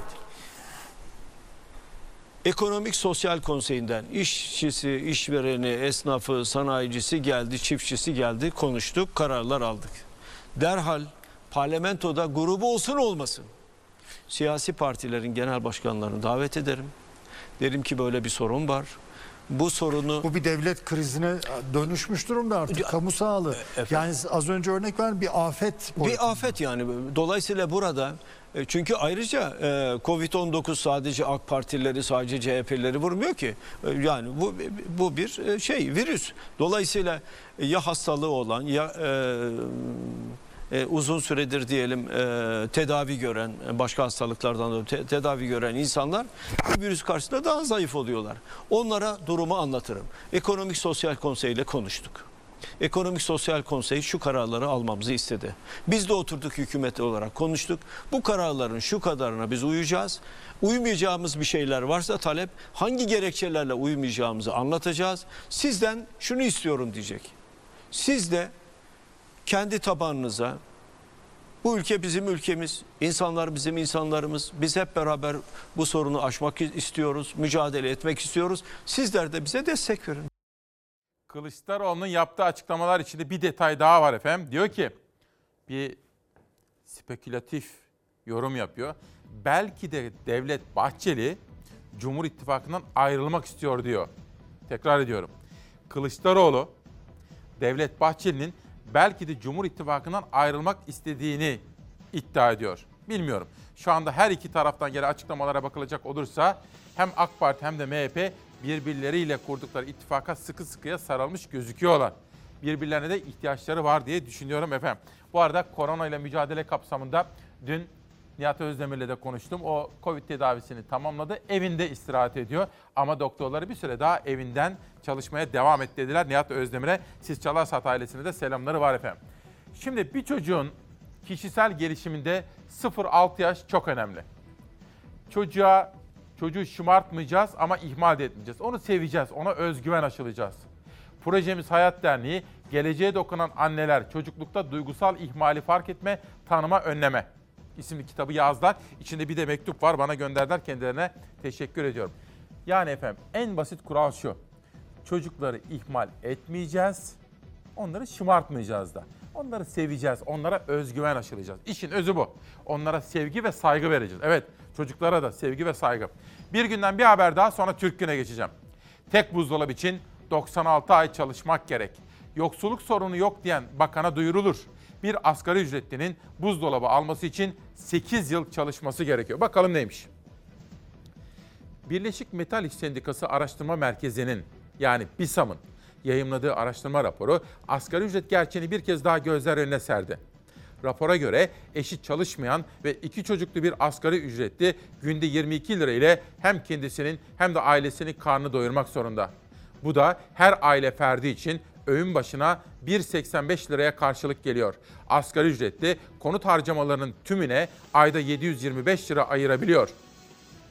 Bir işçinin Kasım itibariyle ortalama fiyatı 3561 lira olan bir buzdolabını alabilmesi için ev aletlerine ayırabildiği aylık 37 lira ile 96 ay yani yaklaşık 8 yıl çalışması gerekiyor. Buradan Türk Gün Gazetesi'ne geçeceğim. Hatırlarsanız dün HDP eş genel başkanı Mithat Sancar, İsmail Küçükkaya Demokrasi Meydanı'na katılmıştı. Kendisine MHP lideri Sayın Devlet Bahçeli'nin sorduğu soruları, eleştirileri, suçlamaları ve HDP bir daha açılmamak üzere kapatılsın şeklindeki çağrısını sormuştum Mithat Sancar'a. Yönetmenim şimdi o haberi hazırlaya dursun. Ben size Türk Günü okuyayım. Devletten geçinip millete kurşun sıkıyorlar diyor Kadir Yıldız'ın manşeti. PKK uzantısı HDP'ye milletin vergileriyle ödenen hazine yardımı ve maaşlar bomba, kurşun, mayın, şehit ve gözyaşı olarak geri dönüyor. İşte Türk Gün Gazetesi'ndeki bu manşetin bir öncekini yani dünkü manşetinde sormuştum. İşte HDP eş genel başkanı Sancar'ın verdiği yanıt. küçük ortak reformdan ne anlattığını söyledi. Anayasada reform yapıp parti kapatmayı kolaylaştıracaklarmış. Parti kapatmaların Türkiye'de geçmişte çok e, olumlu sonuç vermediği görüldü. HDP'nin kapatılmasına karşı çıkan CHP'li sözcüler, demokrasi istismarcısı İP'in başkanı ve AK Parti'nin içindeki bazı yöneticiler cevap versinler. Türk devletinin ihaneti beslemesi, mermi, bomba, mayın, keleş masraflarını karşılaması olacak ve makul görülecek şey midir? Devlet Bahçeli direkt Numan Kurtulmuş'u hedef alıyor. Ağzına geleni söylüyor. Bir zamanlar yol arkadaşlarını, dava arkadaşlarını kimselere feda etmemekle övünen Recep Tayyip Erdoğan. Gün Bülent Arıncı kapının önüne koyduktan sonra şimdi Numan Kurtulmuş restiyle sınanma günüdür. MHP lideri Devlet Bahçeli'nin HDP kapatılmalıdır çıkışı AK Parti Genel Başkan Vekili Numan Kurtulmuş'un parti kapatmak olumlu sonuç vermedi cevabı. Ardından Bahçeli'nin isim vermeden Numan Kurtulmuş'u muhalefet safına katıp söylediği zehir zemberek sözler. Cumhur İttifakı'nda yeni çatlağın resmi dedirtti muhalefete. İktidar ortaklar arasında her gün görüş ayrılıkları etrafında karşılıklı ayar vermeler söz konusu oluyor. Bahçeli bunu sadece bir politik malzeme olarak kullanıyor. Her gün görüştüğü, herhalde rahatlıkla görüşebildiği Sayın Cumhurbaşkanı'na o mesajı veriyor. Cumhurbaşkanı Erdoğan Bahçeli'den gelen HDP kapatılsın çağrısına henüz ses vermedi. Numan Kurtulmuş'un parti kapatmaya kapı aralamayan açıklamalarına karşı Bahçeli'nin ikinci resti ise ittifak ortakları arasında yüksek gerilim hattına dönüştü. Parti kapatmaktan ziyade legal olarak faaliyetini sürdürdüğünü iddia eden partinin ya da partilerin Türkiye Cumhuriyeti Devleti'nin temel ilkeleri çerçevesinde Türkiye'de halklar arasına düşmanlığı koymayacak şekilde bir siyaset tarzı benimsemeleri zorunludur. Diyorlar ki parti kapatmanın Türkiye'de olumlu bir sonucu görülmedi. Mesele parti kapatmanın ötesinde ihaneti cezalandırmaktır. Şimdi görelim bakalım. Dikleşmeden dik duran uzun adamın Devlet Bahçeli ile kuracağı ilişkinin kendisini dikkatle takip ediyoruz. Bu parti Söğüt Özü'nden mi yönetiliyor, Balgat'tan mı yönetiliyor? Cumhur İttifakı'nda parti kapatma çatlağı dedirten tartışmaya Bahçeli'nin kapatılsın resti çektiği HDP'den ilk tepki geldi. HDP eş genel başkanı Mithat Sancar Fox TV'de İsmail Küçükkaya ile Çalar Saat'e konuştu. Sadece bize mi satışıyor? İyi Parti'ye, CHP'ye, hatta Numan Kurtulmuş'a laf söyledi. HDP'yi nasıl kapatacaksınız? HDP bir bina, dört duvar, bir kapı, bir pencere değil ki. 15 milyon destekçisi olan bir siyasi partidir. Bu ülkede demokrasiyi kapatalım demektir. Sadece bir seçim kazanmak için devletin kırmızı bültenle aradığı terör liderlerinden birini TRT'de ağırlayan kimlerse, ona cevaz veren kimlerse, Sayın Cumhurbaşkanı da Sayın Bahçeli de o sürecin içindedir. Onlar önce PKK ile ilişkilerini netleştirsinler, tanımlasınlar. Abdullah Öcalan'a mektup getirip seçim kazanma yöntemini kim benimsemişse, kim bunu savunmuşsa Sayın Erdoğan da Sayın Bahçeli de. Bahçeli'nin HDP kapatılsın çıkışı Cumhur İttifakı için yeni bir sınav oldu. Gözler Erdoğan'a çevrildi. Cumhurbaşkanı tam da bu tartışmalar devam ederken Doğu ve Güneydoğu'da muhafazakar Kürt seçmende taban bulan Hüdapar Genel Başkanı'nı kabul etti Beştepe'de. Hüdapar'la yapılan görüşmede bence enteresan siyasal gözlemciler bunu takip ediyor ve yorumlamaya çalışıyor. Nur Hanım diyor ki alın terinin karşılığını almak istiyoruz. Diş protez teknolojisi bölümü. Aysun Hanım birinizden kurtulduk sıra sende diyor. Yani laf olsun torba da olsun. Ondan sonra dün Esin Hanım'la tanıştım. Esin Hanım. Notumu da almıştım galiba. Heh, Esin Baytekin. Dün Esin Baytekin'le tanıştım bir yerde. Güzel sözler söyledi sizler için, Çalar Saat ailesi için. Uzun yıllarda yurt dışında yaşamış bir hanımefendi ve ülkesinin daha iyi olması için, standartlarını yükseltmesi için gazetecilere düşen görevleri konuşuyorduk. Bana bir konudaki üzüntüsünü ve bizimle ilgili de sevincini paylaştı. Ama bu arkadaşa bir çift söz, hani böyle laf olsun, torba da olsun. Heh, Aysun Hanım. Aysun Hanım, görevimizin başındayız. Birbirimize sevgi beslemesek de saygı beslemek zorundayız. Sevgi gönüllüdür. Olur olmaz ama saygı zorunludur. Ayrıca kurtulduk dediğiniz arkadaşımız Fatih Portakal işte çatır çatır YouTube'da yayınlarını yapıyor. Öyle kolay kolay kurtulmak yok yani onu da size söyleyeyim. Bu vesileyle İzmir'e, Seferihisar'a, Fatih Portakal'a ve Arman Portakal'a selamlar söyleyelim. Ve bakın Bilecik, ben biliyorsunuz Kütahya Simavlıyım. Bilecik'i severim, yakınız. 100. yılında Bilecik mülakatı iyi bir çalışma yapılmış. Bilecik mülakatı 100 yaşında Anadolu yükselirken diyor Taner Bilgin'den geldi bir kitap. Bu kitabı çok merak ediyorum. Mutlaka okuyup sizlere özetler yapacağım. Bu arada efendim dün bizim kuaför Seyhan beni Hasan Seyhan çağırdı. Abi dedi orada bir İngilizce ibare var. Bana bir okur musun şunu dedi. Genel müdürümüz bir duyuru yapacak. Açamıyorum dedi. Baktım. Diyordu ki biraz bekleyin biraz sonra online yayınımız başlayacak diyordu. Sonra ben Hasan'a sordum. Hasan ne oldu dedim. Sonra bizim Olcay da aynısını söyledi. Abi dedi genel müdürümüz şahane bir müjde verdi. Bu zor zamanlarda pandemi nedeniyle kanalımız büyük bir fedakarlık yaptı. Bütün çalışanlarımıza, zaten çalışanlara yapıyorlardı, ailelerini de sağlık sigortası kapsamına almış. Bizim genel müdürümüz Cenk Soner'e ve yönetime de bu nedenle teşekkür ediyorum. Kuaför Hasan ve şoför kardeşim Olcay ve hepimiz de çok memnunuz efendim.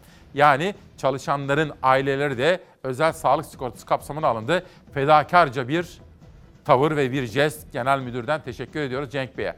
Türk Günden Cumhuriyet'e geçelim.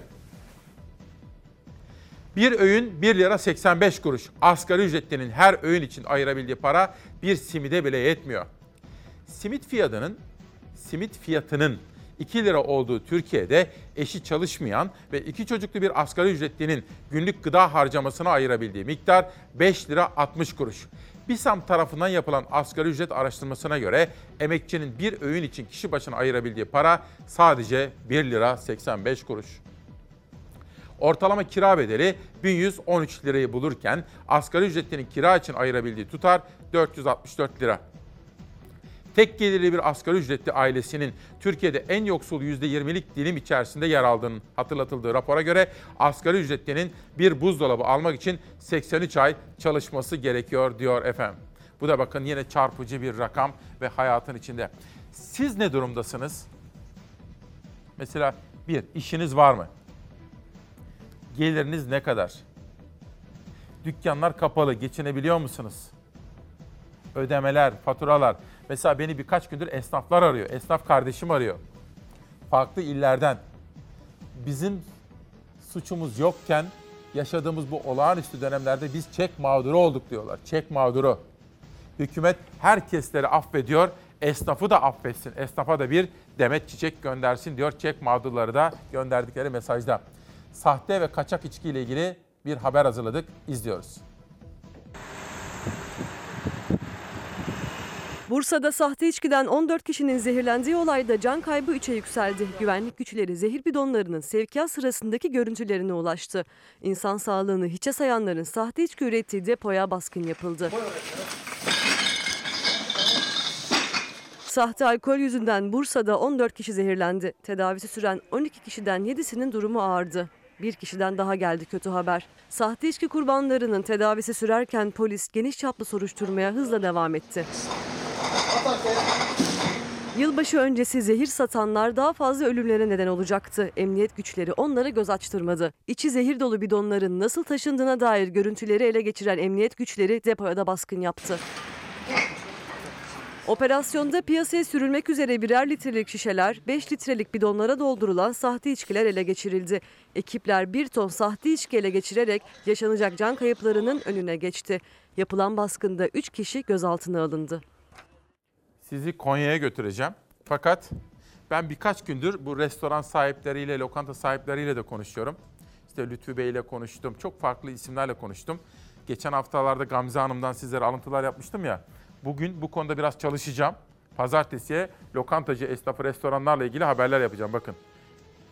Alın teni karşılığı. Restoranlar, lokantalar, paket servis yapamayanlar bitti. Bir ay daha kaldıramazlar. İmkansız diyor. İşte bu konuyu bugün çalışacağım. Tanıdığım restoran sahipleriyle sizlere haberleri aktaracağım efendim ilerleyen dakikalarda. Sözcüye geçelim. Ha pardon pardon pardon Hilal. Bir pencerede otel manşeti seçmiştim. Turizm emekçileri de zor durumda. Antalya'da pandeminin etkisiyle elektrik tüketiminde ciddi düşüşler meydana geldi. Bu yılın ilk 3 çeyreğinde turizm tesislerindeki elektrik tüketim düşüşü bir önceki yıla göre %55'i buldu. CK Enerji Akdeniz Elektriğin gayrimenkulün enerjisi 2020 raporuna göre 2020 yılında toplam tüketimde gerileme sürecek diyor. Otellerin yarısı şalter indirdi. Isparta ve Burdur'dan, Antalya'dan manşetler pencerede. Şimdi Sözcü'ye geçelim.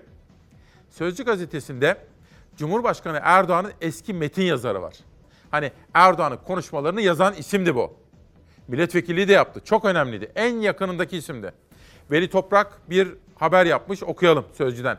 AKP eski milletvekili Aydın Ünal'ın mesajı Pelikan örgütü yeni FETÖ'dür. Erdoğan'ın eski metin yazarı Aydın Ünal, Pelikan adıyla tanımlanan grup için sosyal medyada şunları yazdı. Pelikan örgütü Cumhurbaşkanı savunan değil, onun arkasına saklanarak anayasal suç işlemeye kadar varan, kirli işler çeviren bir örgüttür. Hadiseler bunu ispatladı. Pelikan yeni FETÖ'dür diyor efendim. Ya bu söylemi biliyorsunuz Aydın Ünal bir süredir dile getiriyordu. Çok çarpıcı bir söylem. Yerel gazetelere bir geçelim ama yerel gazeteleri okumadan önce sizi Konya'ya götürüyorum. Mart ayında acele kamulaştırma kararı çıkartılarak elimizden alınan topraklar Temmuz ayından beri kazılmakta. Şimdi şu bayrağı taşıyorum ya benim. Bu bayrak benim, bu millet benim, bu toprak benim. Bilirkişi heyeti de köylülere hak verdi. Çavuşçu Göl'e maden ocağı açılmasındansa alanın tarım arazisi olarak kalmasını halk adına daha faydalı buldu. Yaşam mücadelesi veriyoruz. Biz üretmek istiyoruz, yaşamak istiyoruz. Temiz hava solumak istiyoruz. Konya'nın Ilgın ilçesindeki Çavuşçugöl köyünde kömür ocağı istemeyen köylüler projenin iptali amacıyla yürütmeyi durdurma davası açtı. Mahkeme bilirkişi atadı. Bizler sağlıklı ürünler yetiştirmek istiyoruz. Kanserojen ürünler yetiştirmek istemiyoruz. Çavuşçugöl'e giden bilirkişi heyeti hazırladıkları raporda arazinin maden ocağı olarak kullanılmasında kamu yararı bulunduğunu belirttiler. Fakat bir de itirazları vardı. Raporda arazinin tarımsal alan olarak kalmasında daha üstün kamu yararı vardır denildi. Çavuşçugöl'ün doğal sit alanı olarak korunmasının önemine dikkat çekildi. Bu ocağın 500 metre güneyinde eee, bizim tarımsal faaliyet gösterdiğimiz, pancar ürettiğimiz tarlalarımız var. Bu tarlalarda Ağustos ayından beri su alamıyoruz. Daha öncesinde hiç suyumuz kesilmezken bu ocak açılmaya başladığından beri sularımız kesilmeye başladı. bir ton cevherin e, 4 ton suyla temizlendiğini, kullanıldığını öğreniyoruz. Bütün bu bölgenin, bütün bu bölgenin yeraltı suları çekiliyor demektir. Nevşehir'in Avanos ilçesindeki Özkonak kasabasında başlatılan altın arama çalışmaları ise Lahey'e taşınıyor. Çevreciler Kanadalı maden şirketinin yönetim kurulu üyeleri hakkında Hollanda'daki Uluslararası Ceza Mahkemesi savcılığına suç duyurusunda bulunacak. Şirketin insanlığa karşı suç işlediğini öne sürecekler. Anayasa bizi yaşama hakkını veriyor. Ayrıca diyor ki yeraltı ve yerüstü zenginlikleri devlete aittir diyor. Kanadalı emperyalist şirketlere ait değildir. Bugün alın terinin karşılığı diyoruz efendim. Alın terinin karşılığı istediğimiz bu. Doktor Ayça Kaya ile 50 adımda sağlıklı ve hızlı zayıfla bu kitabı da bize imzalayarak bırakmış. Kendisine teşekkür ediyorum. Yerel gazeteler bölümü benim en sevdiğim bölümlerden biri. Biliyorsunuz 8 yıl önce bununla başlamıştık. Ve çok önemli. Yani bu fikir iyi bir fikirdi. Onun için her defasında Ali Kemaloğlu abime teşekkür ediyorum. Ankara'da çalışma yapıyorduk. Danışmanımla ve Ali abiyle. Dedi ki Amerika'daki gibi yapabilirsin. O AFS ile yurt dışında da yaşamıştı. Yerel gazeteler Türkiye'de konuşulsun diyordu. O gün bugündür yerel gazete manşetleri programımızın vazgeçilmezi ve kendine özgü bölümü. Kütahya Express, kepenk açmayan esnafa öncelik verilmeli diyor. Küte KÜTESOP Başkanı İbrahim Yiğit'in yaptığı açıklamalar manşette. Geçelim Ordu'ya, Karadeniz. Fındık fiyatı güncellenmeli. Üretici temsilcilerinden çok doğru, çok haklı bir destek gelmiş ve burada Arslan Soydan'la yapılan bir röportaj. Onun dışında bakalım kimmiş?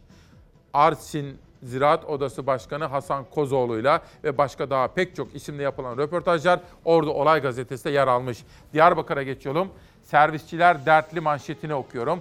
Diyarbakır Servis Araçları Esnaf Odası Başkanı Mahmut Kaya'nın yaptığı bir açıklama. Servisçiler dertli. Ankara'da Mansur Yavaş belediye başkanı olarak servisçi esnafıyla bir anlaşma yaptı ve onlara hiç olmasa bir nebze can suyu verdi. Mansur Yavaş'a teşekkür ediyorum. İlk ses İzmir gazetesi gıdada toptan iflaslar yaşanıyor. Koronavirüs pandemisi birçok sektörü olumsuz etkilerken gıda toptancıları da bunların başında geldi diyor efendim. Konya'ya geçelim.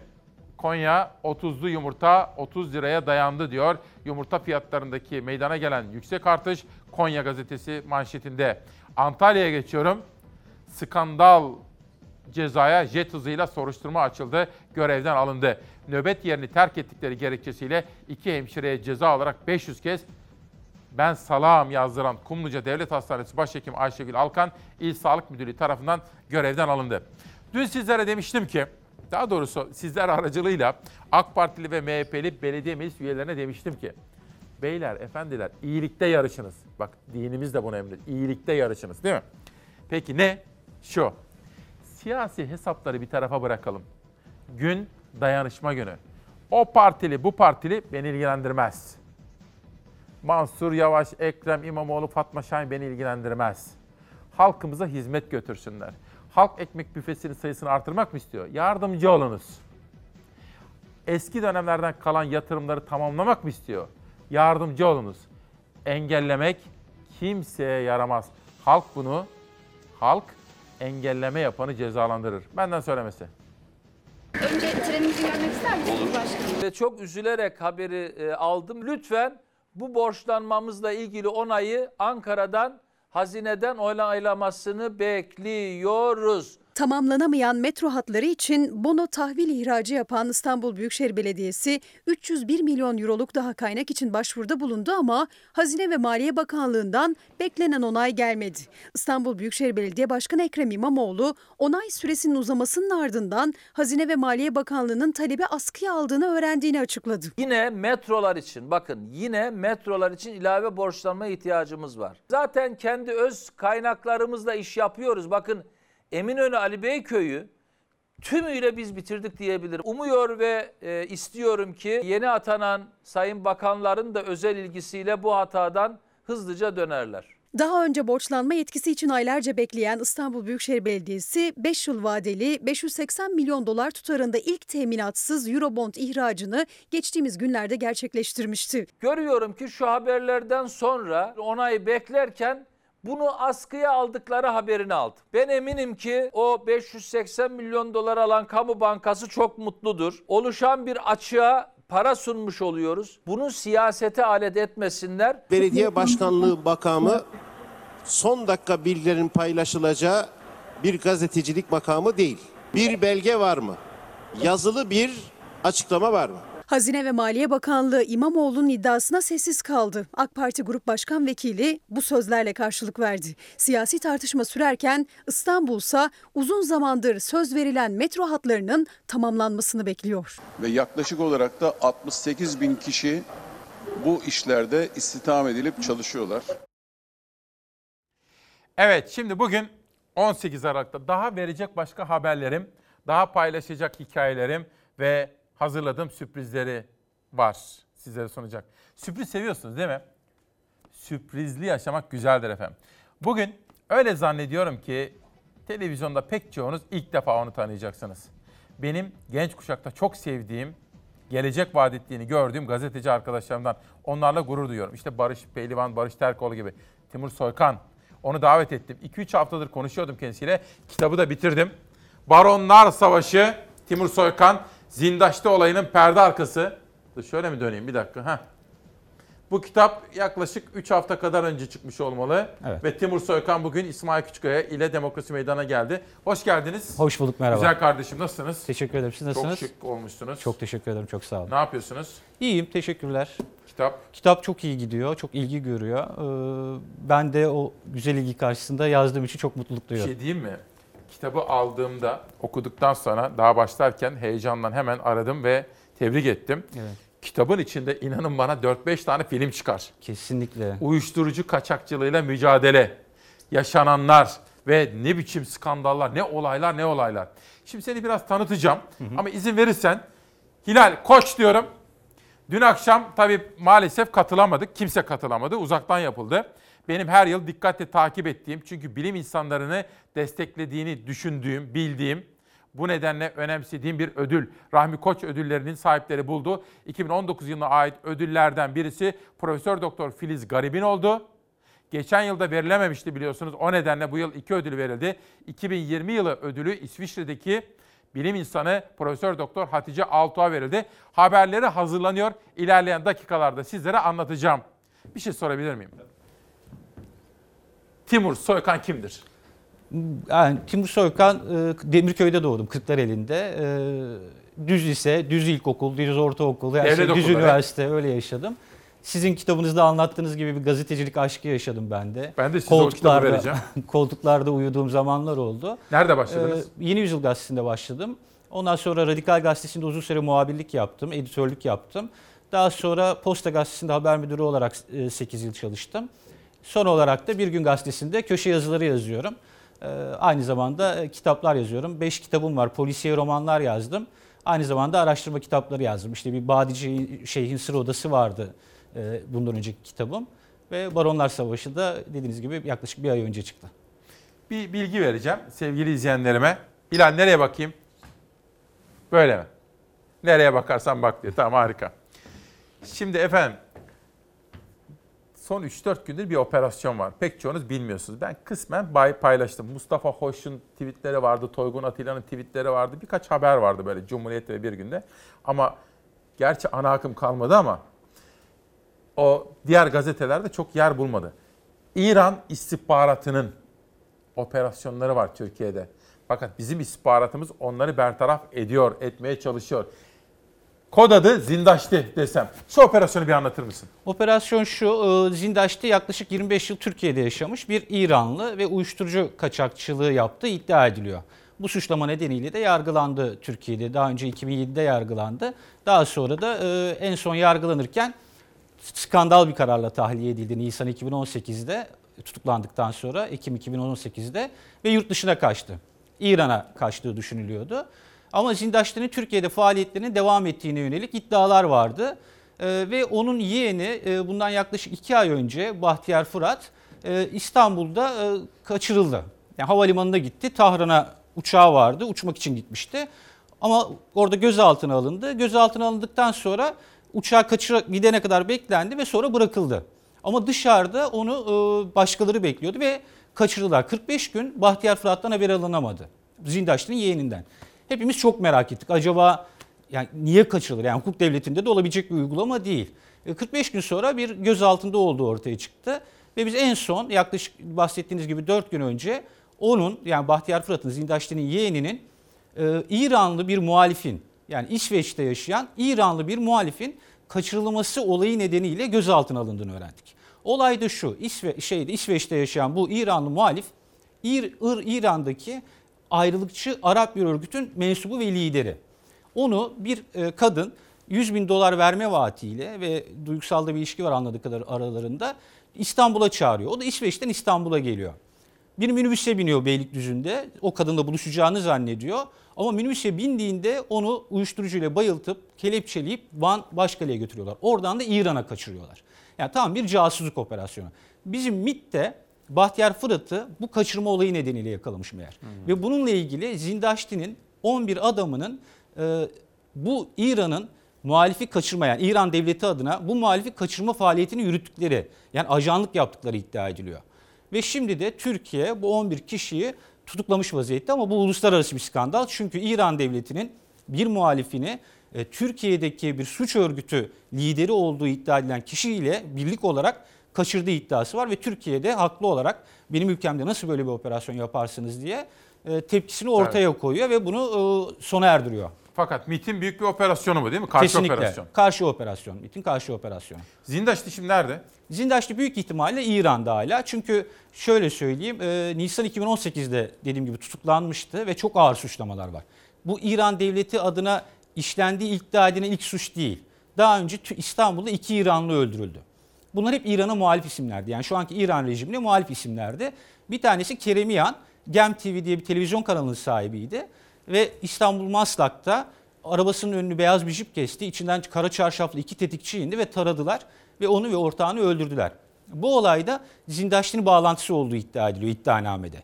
Başka bir cinayet ise yine İranlı böyle insan savunma araçları teknolojisi konusunda uzman, siber teknoloji konusunda uzman ve İran'da Savunma Bakanlığı'nda çalışmış bir muhalifti. Türkiye'ye kaçmıştı. Yine İstanbul'da yaşıyordu. Onu da Şişli'de profesyonel bir tetikçi arkasından düşürüldüğü tuzakta vurarak, vurarak öldürmüştü. Bu da yine Zindaşti'nin İran devleti adına, İran gizli servisi adına işlediği iddia edilen bir cinayet olarak gündeme geldi. Ama şunu belirtmeliyim. Zindaşti bu suçlamaları her zaman reddetti. Bunlar bana dair kurulmuş kumpaslar Peki. diye konuştu. Şimdi sevgili Çalar Saat ailesi bu kitap tabii içinde ne bileyim Zindaşti var. Burhan Kuzu meselesini hatırlayacaksınız. Günlerce manşetler oldu. Fatih Altaylı'nın yazdıkları Cumhuriyet ya Burhan Kuzu bu işin neresindeydi rahmetli diye bir soru soracağım. Polis kayıtları var iç elinde. Sonra bu Zindaş'ta Amerikalılarla görüşüyor. Amerikan Adalet Bakanlığı'nın narkotikle mücadele birimiyle Zindaş'ta görüşüyor. Orada bir şüpheli bir durumlar var. Bunun dışında uyuşturucu kaçakçılığıyla bilinen Urfi Çetinkaya, Cemal Nayır gibi isimler Geçiyor.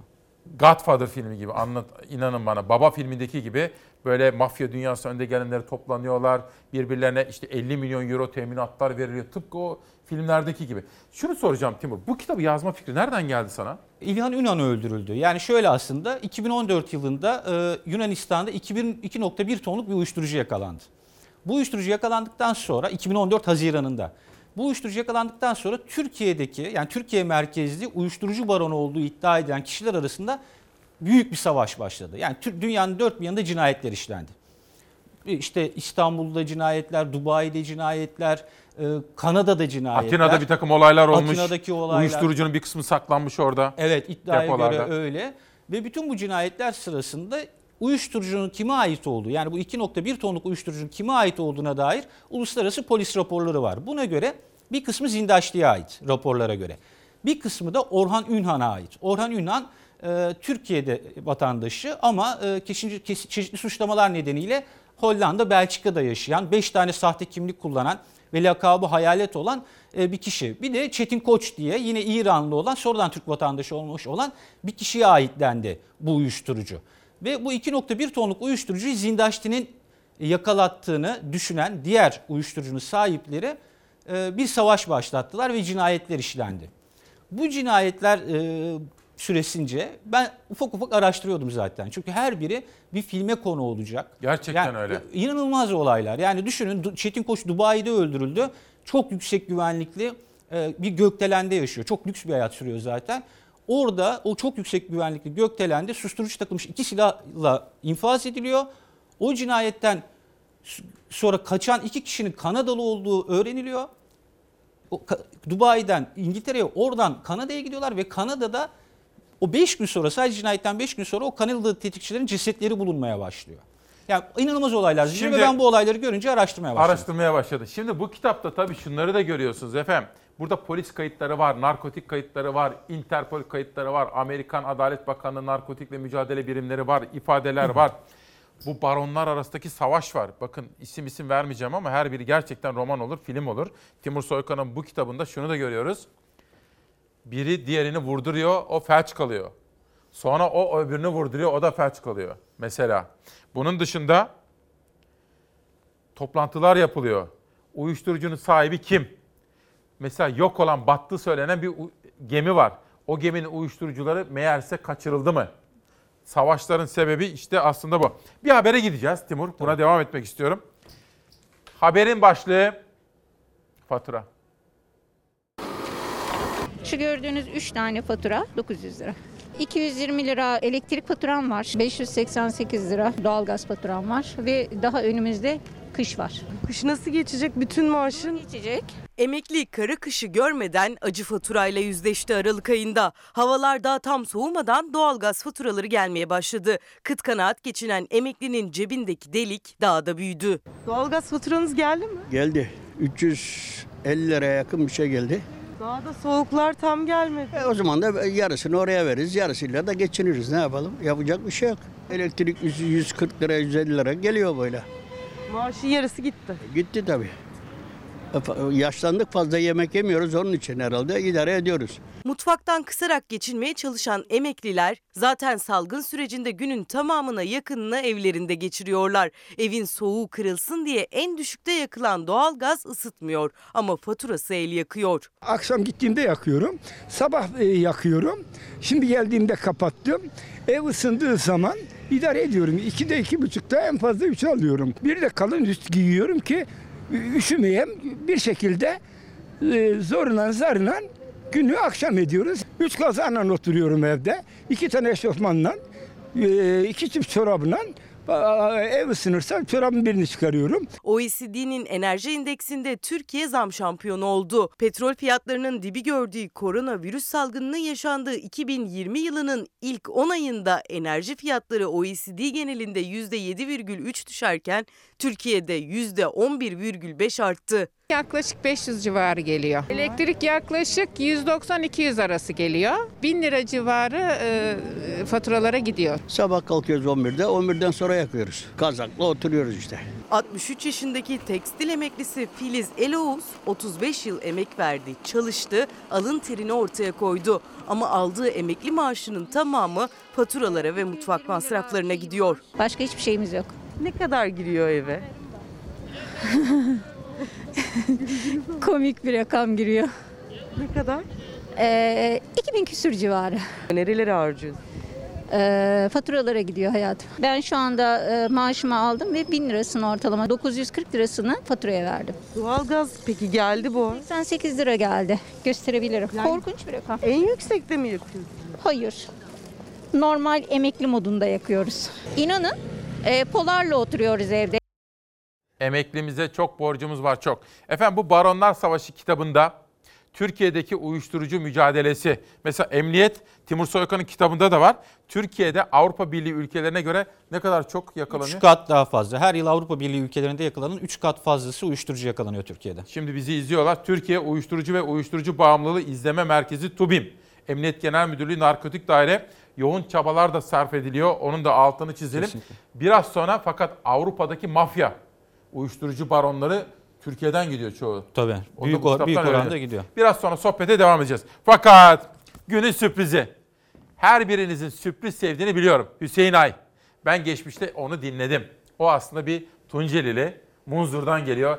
Nasıl bir ses anlatamam size. Hoş gelmişsin.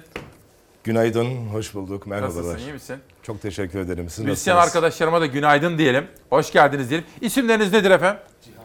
Cihan. Onur. Onur. Taci. Taci. Özkan. Özkan. Şimdi dün bizim Ankara'dan Mustafa Özaslan da yazdı. Abi dedi müzisyen arkadaşlar çok zorda dedi. Lütfen Evet. onun sesini daha fazladır. Öyle 500 liralık, 1000 liralık, 3 aylık yardımlarla olacak gibi değil. Pandemide kapandık. Lütfen arkadaşlarımız zorda dedi. Ne dersin? Aynen öyle. 9 aylık bir süreç biliyorsunuz pandemi süreci ve en çok etkilenen e, sektör biz olduk. İlk kapanan ve ilk yasaklanan, ilk kısıtlanan e, sektör biz olduk. Müzisyenler olarak gerçekten e, konser veremiyoruz. Çıktığımız mekanlarda program yapamıyoruz. Müzisyen emekçileri e, gerçekten çok zor bir durumda. Ve 9 aydır maalesef kimsenin aklına gelmedik. Hatta dün iki gün önce bir e, acı haber aldık. Biliyorum, bir müzisyen biliyorum. arkadaşımız Hayatını kaybetti. geçim sıkıntısı çektiği için intihar etmiş. Yani çok üzücü bir olay bu. Müzisyen Müzik arkadaş- emekçilerinin e, sesinin duyulması lazım. Bunların hakkının verilmesi lazım diye düşünüyorum ben. E, nihayet bir adım atıldı ama o da yetersiz e, görüyorum. Daha e, iyi adımlar atılabilir. Bunlar e, konuşulur. Bu konuyu takip Yapılır. edeceğim. Hüseyin Evet. Ay'la sizleri bir buluşturmak istiyorum. Timur şimdi müthiş bir ses geliyor. Evet. Hayaloğlu Teşekkür ederim, teşekkür eseri ederim. geliyor. Yusuf Hayaloğlu. Ahmet Kaya söylerdi onu. Müthiş. Fakat sese bayılacak. Tabii bu sabahın bu saatinde kolay değil ama hepinize ne kadar teşekkür etsem azdır. Canlı yayında Biz canlı size teşekkür performans- ediyoruz. Çok sağ olun. Bize e, yer verdiğiniz için bugün Türkiye'nin en çok izlenen e, ve gerçekten halkın sesini duyuran, e, Sağ olun. sorup sorgulayan, haberciliğin e, kurallarına sorgulamaya da ekleyen, acaba'yı da ekleyen Fox Haber ekibine, size, sevgili Doğan Şentürk'e de teşekkür ederek e, bize de yer verdiğiniz için gerçekten Teşekkür teşekkür, ederiz. ederiz. Bizi Bizim onore ettiniz. Çok teşekkür ediyorum. Ve şimdi Yusuf Heyeloğlu'ndan, değerli ustam, değerli hocam Yusuf Heyeloğlu'ndan bir eser okuyacağım. Şu dağlarda kar olsaydım. Buyurun.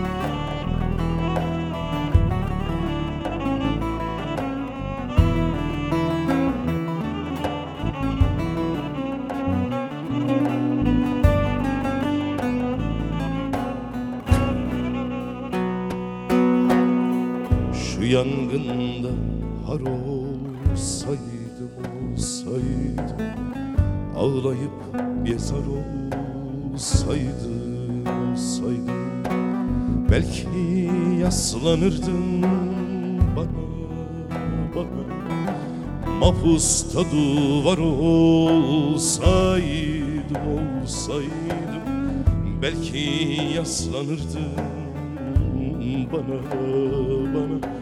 Mapusta duvar olsaydım olsaydım Belki yaslanırdım bana bana. Mapusta duvar olsaydım olsaydım Belki yaslanırdın bana bana. Mapusta duvar olsaydım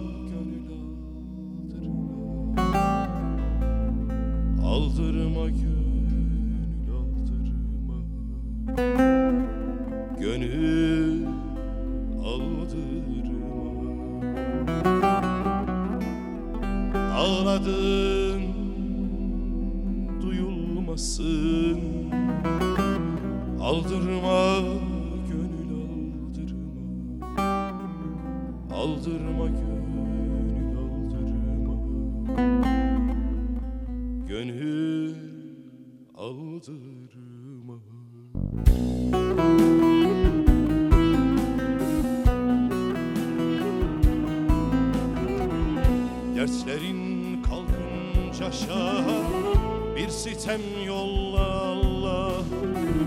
Dertlerin kalkınca şaha bir sitem yolla Allah. Görecek günler var daha. Aldırma gönül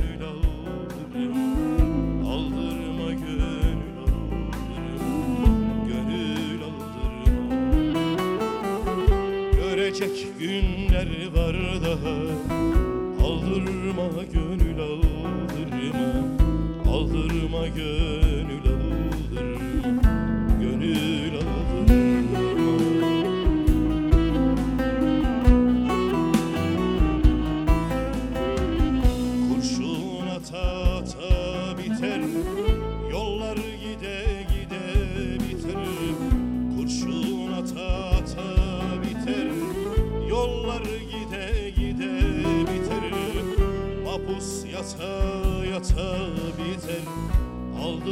gönül aldırma Aldırma gönül aldırma Gönül aldırma.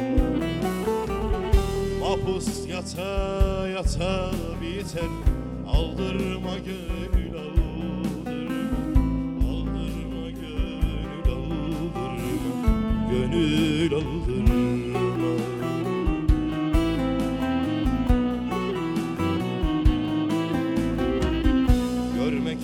istersen denizi Yukarıya çevir yüzü. Görmek istersen denizi Yukarıya çevir yüzü. Deniz gibidir gökyüzü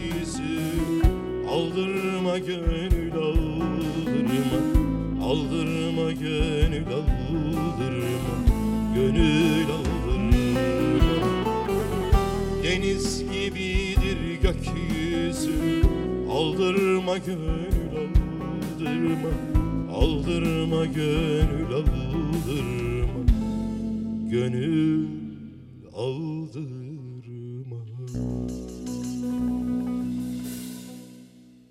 Sabahattin müthiş Ali'ye bir ses, saygılarla. müthiş bir yorum. Hüseyin Ay'ı dinlediniz. Timur Soykan'la sohbete devam edeceğiz. Şimdi bu arada çaylarımız geldi. Şimdi bu arada bağlamada Özkan Korkmaz kardeşime çok teşekkür ediyorum. Kemanda Taci Topuz, klarnette Onur Nazım Engin ve klavyede Cihan Aslan. Tabii pandemi zamanında müzisyenlerimizin ne kadar zor durumda olduğunu biraz evvel sizlere anlatmıştım. Bu arada çaylar geldi onları söyleyeceğim ama. Yeni bir albüm çıktı efendim. Günlerdir benim evimde ve arabamda dinlediğim müzik bu. Hüseyin Ay. Gün olur kavuşuruz. Ne zaman çıktı? Yaklaşık bir ay oluyor albüm çıkalı. Evet. Gün olur kavuşuruz albümünde e, 11 eserimiz var. 5 tanesi değerli ustam. 14 sene birlikte çalıştığım değerli ustam Yusuf Hayaloğlu'na ait 5 eser var. 3 tane türkü var ve değerli müzisyen arkadaşlarımın besteleri var ve benim çalışmalarım var. Çok güzel bir albüm oldu. Aslında bu şarkılar e, bekleyen şarkılar diye ben tarif ediyorum bunu. Çünkü çok önceleri yapmıştım ben bu şarkıları. Bekleyen ve şarkılar. Yusuf'a evet. Bekleyen ve beklenen şarkılar diye tarif ettim. Çünkü e, bunları biz e, yıllar önce Yusuf Eyeloğlu'yla, değerli ustamla Program yapıyordunuz siz? biz program beraber program Evet. yapıyorduk. Aslında benim bugün e, sahnelerde olmamın, profesyonel anlamda müziğe başlamamın öncüsü değerli ustam Yusuf Eyeloğlu'dur. Evet. Ve Yusuf Eyeloğlu'yla tanıştıktan sonra 95 yılında değerli ustam Ahmet Kaya'yla da tanıştım. Onlarla beraber bu yolda yürümeye çalıştım. Bugün şarkı söylüyorsam o büyük ustaların sayesindedir. Yusuf Eylioğlu ve Ahmet Kaya'yı saygıyla anarak, Yıldızlar ülkesine selam yollayarak ben bu izde, bu yolda devam etmeye çalışıyorum. Bir şey diyeceğim. Türkülerimi, şarkılarımı söylemeye çalışıyorum Yıldızlar ama dedin. ustaların izinde. Yıldızlar tutuşabilir diyeceğim biraz sonra bak söyleyeyim. Yıldızlar tutuşabilir. Evet. Şimdi Çok sevgili Türkiye'm, genç kuşağın başarılı gazetecilerinden Timur Soykan, Baronlar Savaşı, Zindaş'ta olayını anlattı biraz evvel. Burada MIT'in İran istihbaratına karşı gerçekleştirdiği çok önemli operasyonlardan işaret verdi Timur Soykan. Ve acaba bu Zindaş'ta olayında günlerce Fatih Altaylı'nın yazdığı gibi, Mustafa Hoş'un takip ettiği Toygun Atilla'nın dikkatimizi çektiği gibi Burhan Kuzu var mıydı? Onu soracağım. Çok tartışılan bir konu. Burhan Kuzu da rahmetli oldu. Onu da söyleyeyim. Ama Savaş Yıldız kardeşime, yönetmenime rica etsem yurdumuzdan korona ile mücadelenin raporu. Savaş hazır mı? İzleyelim, sohbete döneceğiz.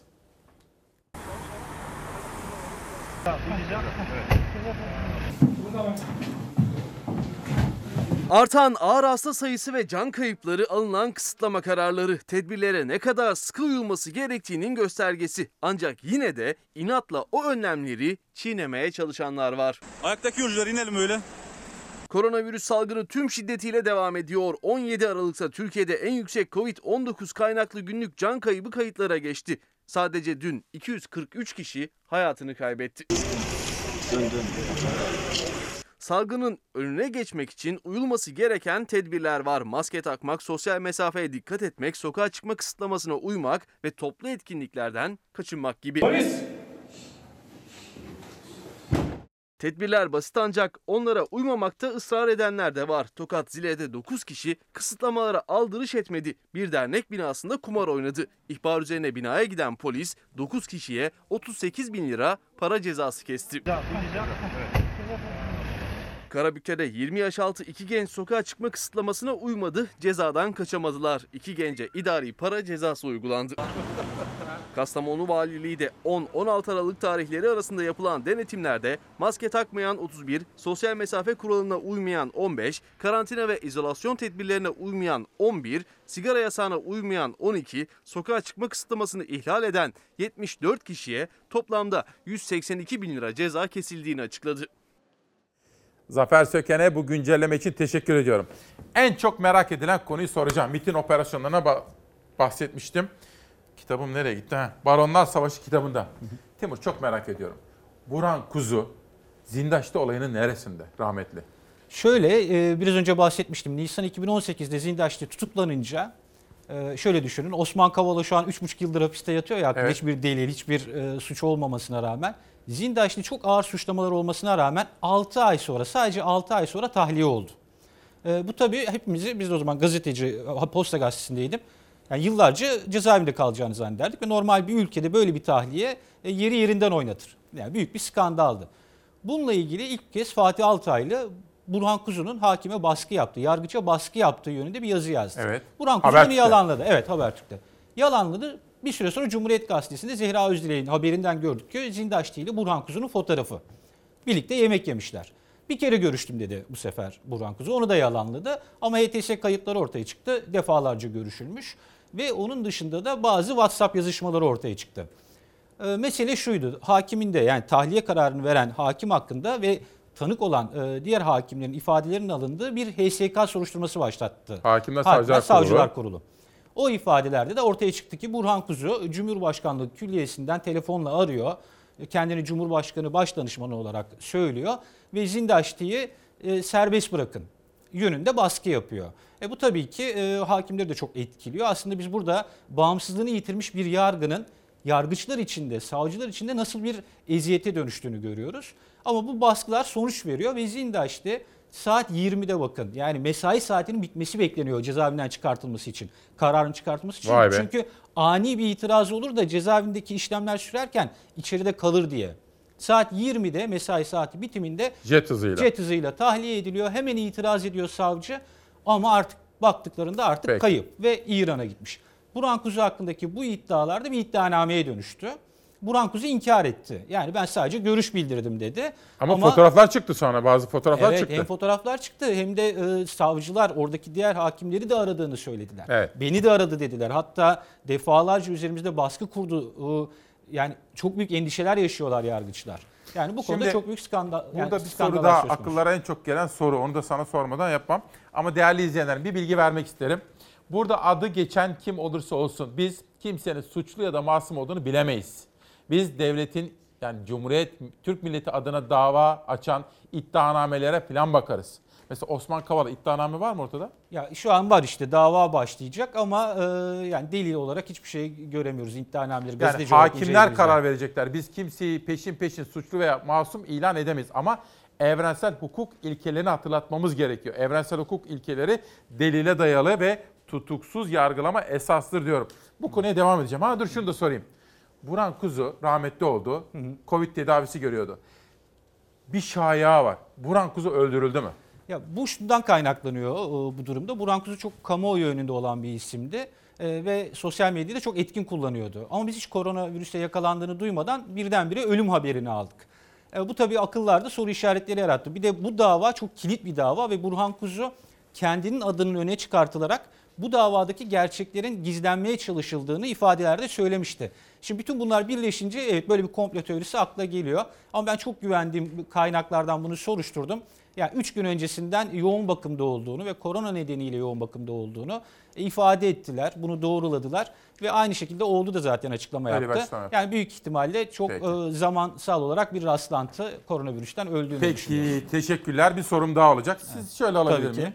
Şimdi Hüseyin Ay'a döneceğim. Hüseyin Ay bağlamada Özkan Korkmaz, kemanda Taci Topuz, klarnette Onur Nazım Engin ve klavyede Cihan Aslan. Diyoruz ki Müzik emekçileri, kardeşlerim, benim onlara teşekkür ediyoruz. yol arkadaşlarım. Size de teşekkür ederim. Onların e, Her fırsatta yanlarındayız. dileklerini Sizin dile getirdiğiniz için çok teşekkürler. Yıldızlar tutuşabilir. Bir Yusuf Eroğlu şarkısı, söz müzik Yusuf Eroğlu, Yıldızlar Tutuşabilir. Benim ilk albümümde vardı. Şimdi yeni albümde de okuduk. Saygıyla anarak ustamı Yıldızlar Tutuşabilir'i okuyalım arkadaşlar. Hadi bakalım.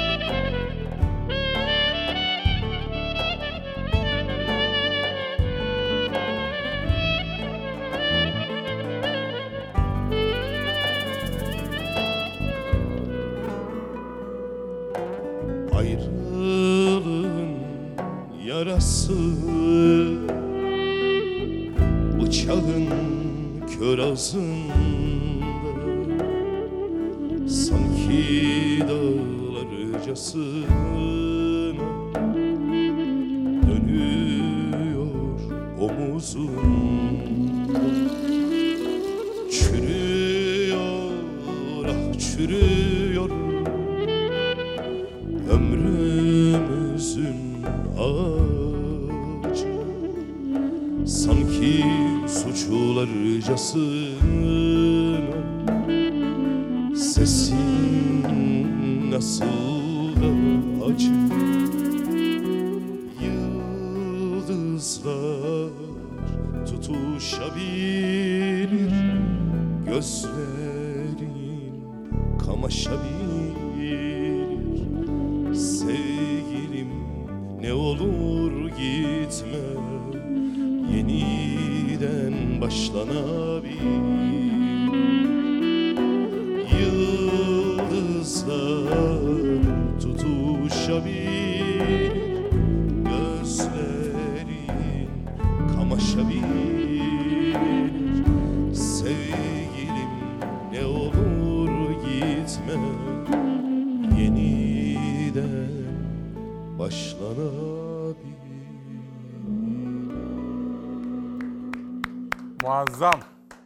Hüseyin Ay, Çok teşekkür ederim. yüreğinize sağlık arkadaşlar. Müthişsiniz, müthiş. Eyvallah, sağ Sabah olun. bu performans müthiş. Çok Şu bilgiyi de vermek isterim. Ben artık hepimiz birbirimizi iyi biliyoruz. Ben 1989'da Kütahya Simav'dan 17 yaşında çıktım. Üniversiteye kazandım. Gazi İletişim'e gittim. Gazi Basın Yayın da adı o zaman. Sonradan değişti. Hüseyin de benim okul arkadaşım aslında. Evet biz aslında e, ben Tanışmıyorum ama 90 90 girişliyim ama okulda tanışmadık. Evet. Bunu sondan öğrendim. Çok da mutlu oldum aslında. Neden biliyor musun? Ben çalışıyordum Gazi Üniversitesi. İletişim Fakültesi e, berabermişiz. Tabii ben o zamanlar okulda, e, üniversitede okurken bağlama çalıp türkü söylüyordum. Yani ben çok küçük yaşlarda başladım Evet. bu e, müziğe.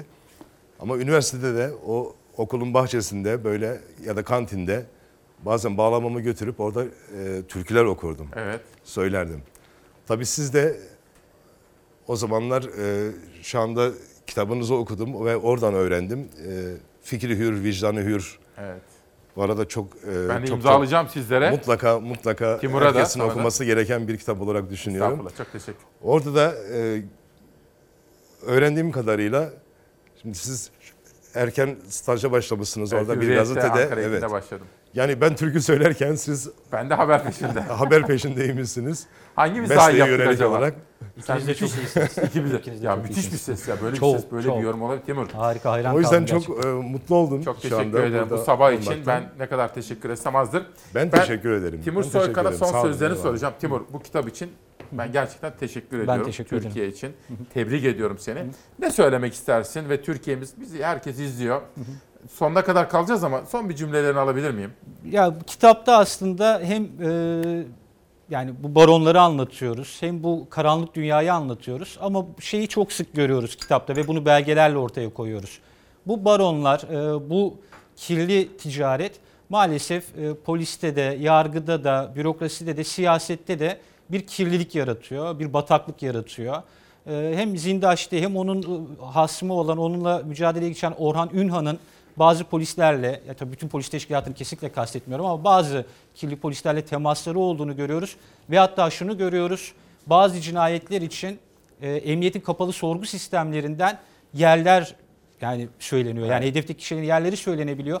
Bunların çok iyi kontrol edilmesi gerekiyor ve toplumun e, bu bataklıktan yani bu burayı kirleten, bu yargıyı ve e, kendimizi güvende hissetmeyeceğimiz bu ortamı yaratanlara karşı bir e, savunulması gerekiyor. Aydınlık, güzel bir ülke çocuklarımıza Ne bırakmamız güzel. gerekiyor. Timur çok teşekkür Ben ederim. teşekkür İyi ki ederim. varsın. Genç kuşağın başarılı isimlerinden birisi. Efendim biz bilimsel eğitim diyoruz, çağdaş eğitim diyoruz, evrensel eğitim diyoruz. Çünkü büyük önderimiz, devletimizin kurucusu Gazi Mustafa Kemal Paşa, Büyük Atatürk bize ilimin ne olduğunu anlatmıştı. Her yıl dikkatle takip ettiğim Rahmi Koç Bilim Ödülleri'nin sahipleri belli oldu dün akşam. Online yani uzaktan yapıldı. Savaş hazır mıyız? İzleyelim. Göçmenlerin aynı kalacağı fikri bana çok makul gelmedi o zaman. Ve öyle bir araştırmaya başladım. Son 50 senede bu göç hareketi nasıl değişmiş olabilir? Bunu nasıl anlayabiliriz? Şimdi sepsis çok ölümcül bir hastalık. Teşhisinde dakikaların önemi var. Dolayısıyla e, geliştireceğimiz aletin çok hızlı olması gerekiyor. Biz böyle bir teknoloji geliştirdik. Koç Üniversitesi Rahmi Koç Bilim Madalyası sahiplerini buldu. 2019 ve 2020 yılının ödüllerinin aynı anda açıklandığı törende bilim ödülüne layık görülenler iki bilim insanı Filiz Garip ve Hatice Altuğ oldu. Öncü katkılarına istinaden takdim etmekten olağanüstü Türkiye'nin yetiştirdiği ama bilgi birikimiyle dünyayı aydınlatanlar Koç Üniversitesi'nin Rahmi Koç Bilim Ödülü ile bir kez daha taçlandırıldı. Altına imzalarını attıkları başarılar farklı, yaşattıkları gurur aynı oldu. İki bilim insanı Filiz Garip ve Hatice Altu yol gösterici çalışmalarıyla bilim ödülüne layık görüldü. Karlar altında bir New York'tan sesleniyorum size. E, bu çok özel ve mutlu bir gün benim için ve kariyerimin en önemli ödüllerinden biri belki de. O 21. yüzyılın en büyük sorunu göç konusunda çığır açan çalışmalara imza attı. Cornell Üniversitesi Ekonomi ve Toplum Çalışmaları Merkezi Direktörü olan Profesör Doktor Filiz Garip, ileri veri toplama yöntemlerini kullanarak hayatı geçirdiği çalışmalarıyla 2019 Rahmi Koç Bilim Madalyası'nın sahibi oldu. Lozan'dan e, herkese e, selamlar. E, Türkiye'de bilimin hız, bilimde hızla ilerlememize ve gençlere yol açmak için adanmış bir ödüle bana layık gördükleri için çok şükran borçluyum. Profesör Doktor Hatice Altuğ ise çağımızın vebası olarak görülen sepsis hastalığının hızlı tanısı için geliştirdiği teknolojiyle bilimde çığır açtı. Nano biyofotonik uygulama alanındaki çalışmaları ve öncü katkılarıyla 2020 Koç Üniversitesi Rahmi Koç Bilim Madalyası'nın sahibi oldu. Çipin üzerinde değişik nanoteknoloji ve nano fabrikasyon teknikleri kullanaraktan mesela silikondan ya da altından nano yapılar yapıyoruz. Ve bu nano yapılar ışığı çip üzerinde manipüle etmemizi sağlıyor. Koç Üniversitesi Rektörü Profesör Doktor Umran İnan iki bilim insanının araştırmalarının takipçisi olacağız dedi. Hatice Altuğ ve Filiz Garip'e başarılarından ve bilime yaptıkları katkılardan dolayı teşekkür etti. Bundan sonra da büyük bir verimlilikle sürdüreceklerini bildiğim başarılı çalışmalarının her zaman takipçisi olacağımızı bir kez daha belirtmek istiyorum. Bilim insanlarımızı tebrik ediyorum. Onlarla ilgili haberleri ilerleyen zamanlarda sizlere detaylı olarak aktaracağım. Efendim bakın Yusuf Hayaloğlu, Hüseyin Ay'ın da ustası. Yüzüm Gece Yarısı isimli kitabını da sizlere tanıtmaktan onur duyuyorum. Yusuf Hayaloğlu. Ve ben de iki arkadaşıma birer imzalı kitap bugünün anısına Fikri Hür, Vicdanı Hür kitabını da ben arkadaşlarım önce Timur Soykan'a çok, Timur, teşekkür, çok teşekkür ediyorum. ederim. Çok güzel bir kitaptı. Başarılarını her zaman böyle takdirle izleyeceğim. Çok Türkiye teşekkür için ederim. Hakikat peşindeki gazetecilerden biri. Çok sağ olun. teşekkür ederim. Bugünün anısına müthiş bir ses, müthiş Çok bir teşekkür yorum Hüseyin. Ay'a Çok size de teşekkür armağan etmek istiyorum. Sağ olun. Pir Sultan Abdal desem Evet. Açılın kapılar, şaha gidelim. Türkiye okuyalım. Güzel Lütfen. bir eser okuyalım.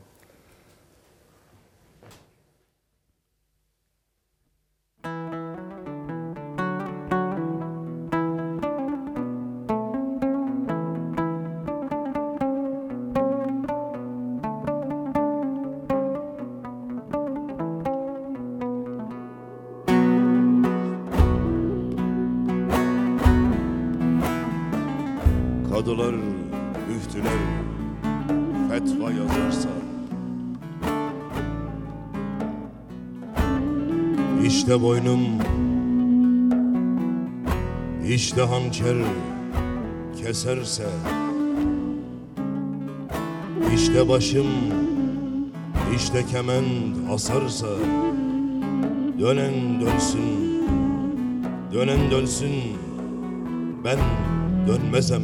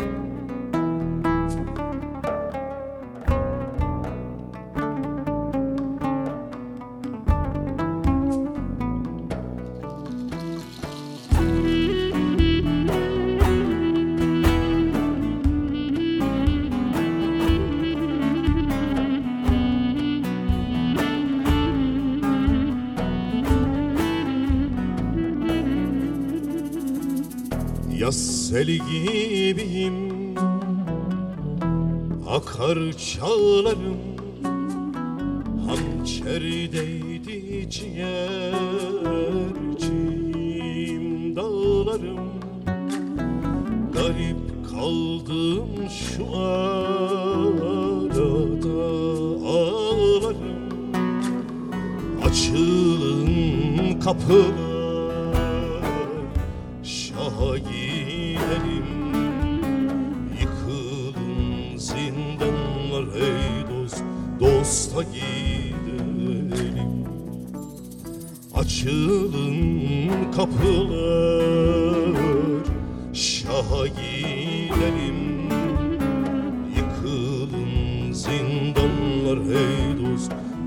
Dosta gidelim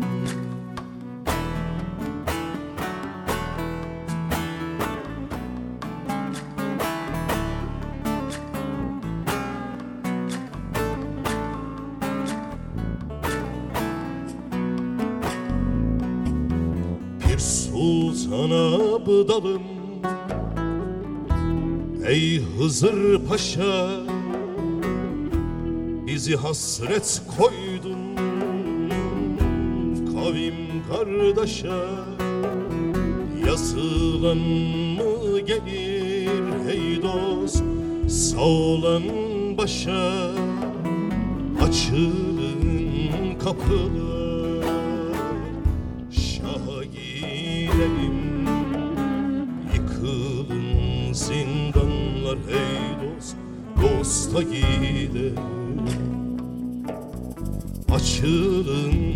kapılar Şaha gidelim Yıkılın zindanlar hey dost Şaha gidelim Çok çok çok teşekkür ediyorum. Ben teşekkür Yüreğinize ediyorum. sağlık, Çok sağ ayağınıza olun. taş değmesin. Şimdi ben ekip arkadaşlarımıza da birer kitap getirdim. Bir tane buldurdum hemen. Bunu size takdim edeyim.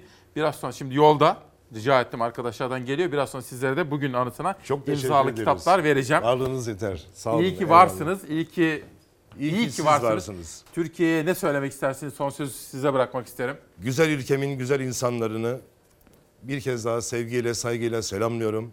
Ve güzel günler göreceğimize inanarak ve size de Fox Haber ekibine sabah ve akşam kuşağında en çok izlenen çünkü halkın sesi olan, sorgulayan, soran, acaba diyen, haberciliğin kurallarına beşen bir kaya bir soru daha ekleyen ve halkın bütün e, görmek istediklerini aslında ülkede yaşanan bütün gerçekleri ortaya koyan bağımsız, tarafsız Teşekkürler. habercilik anlayışıyla e, yayın yapan Fox Haber ekibine size Sağ olun. Sevgili Doğan Şentürk'e teşekkürlerimle ve e, bu ülke halkına şunu söylüyorum. Biz bu ülkeyi çok seviyoruz ve herkese güzel günler, güzel Teşekkür yarınlar ediyorum. diliyorum. Sağ olun. Sizlere de Eyvallah. Timur Soykan sana da çok teşekkür Çok teşekkür ederim. Çok sağ olun. sabah oldu. Harikaydı. Çok Çok güzeldi. teşekkür. İyi ki varsın sen de. Şu kitapları tanıtacağım. Bir de bizim Fox'umuzun bir ödülü daha var.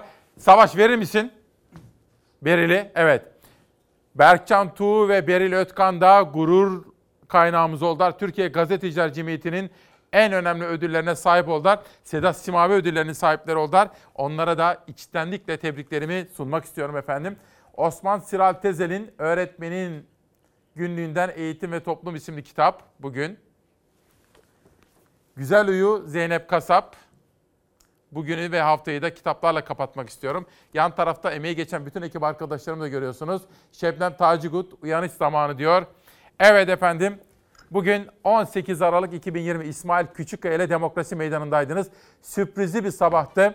Pazartesiden itibaren yine sürprizli sabahlar devam edecek. Manşeti şimdiden söyleyeyim. Pazartesinin manşeti köylü, üretici ve çiftçiye dair haberler. Savaş hazır mıyız? Teşekkürler.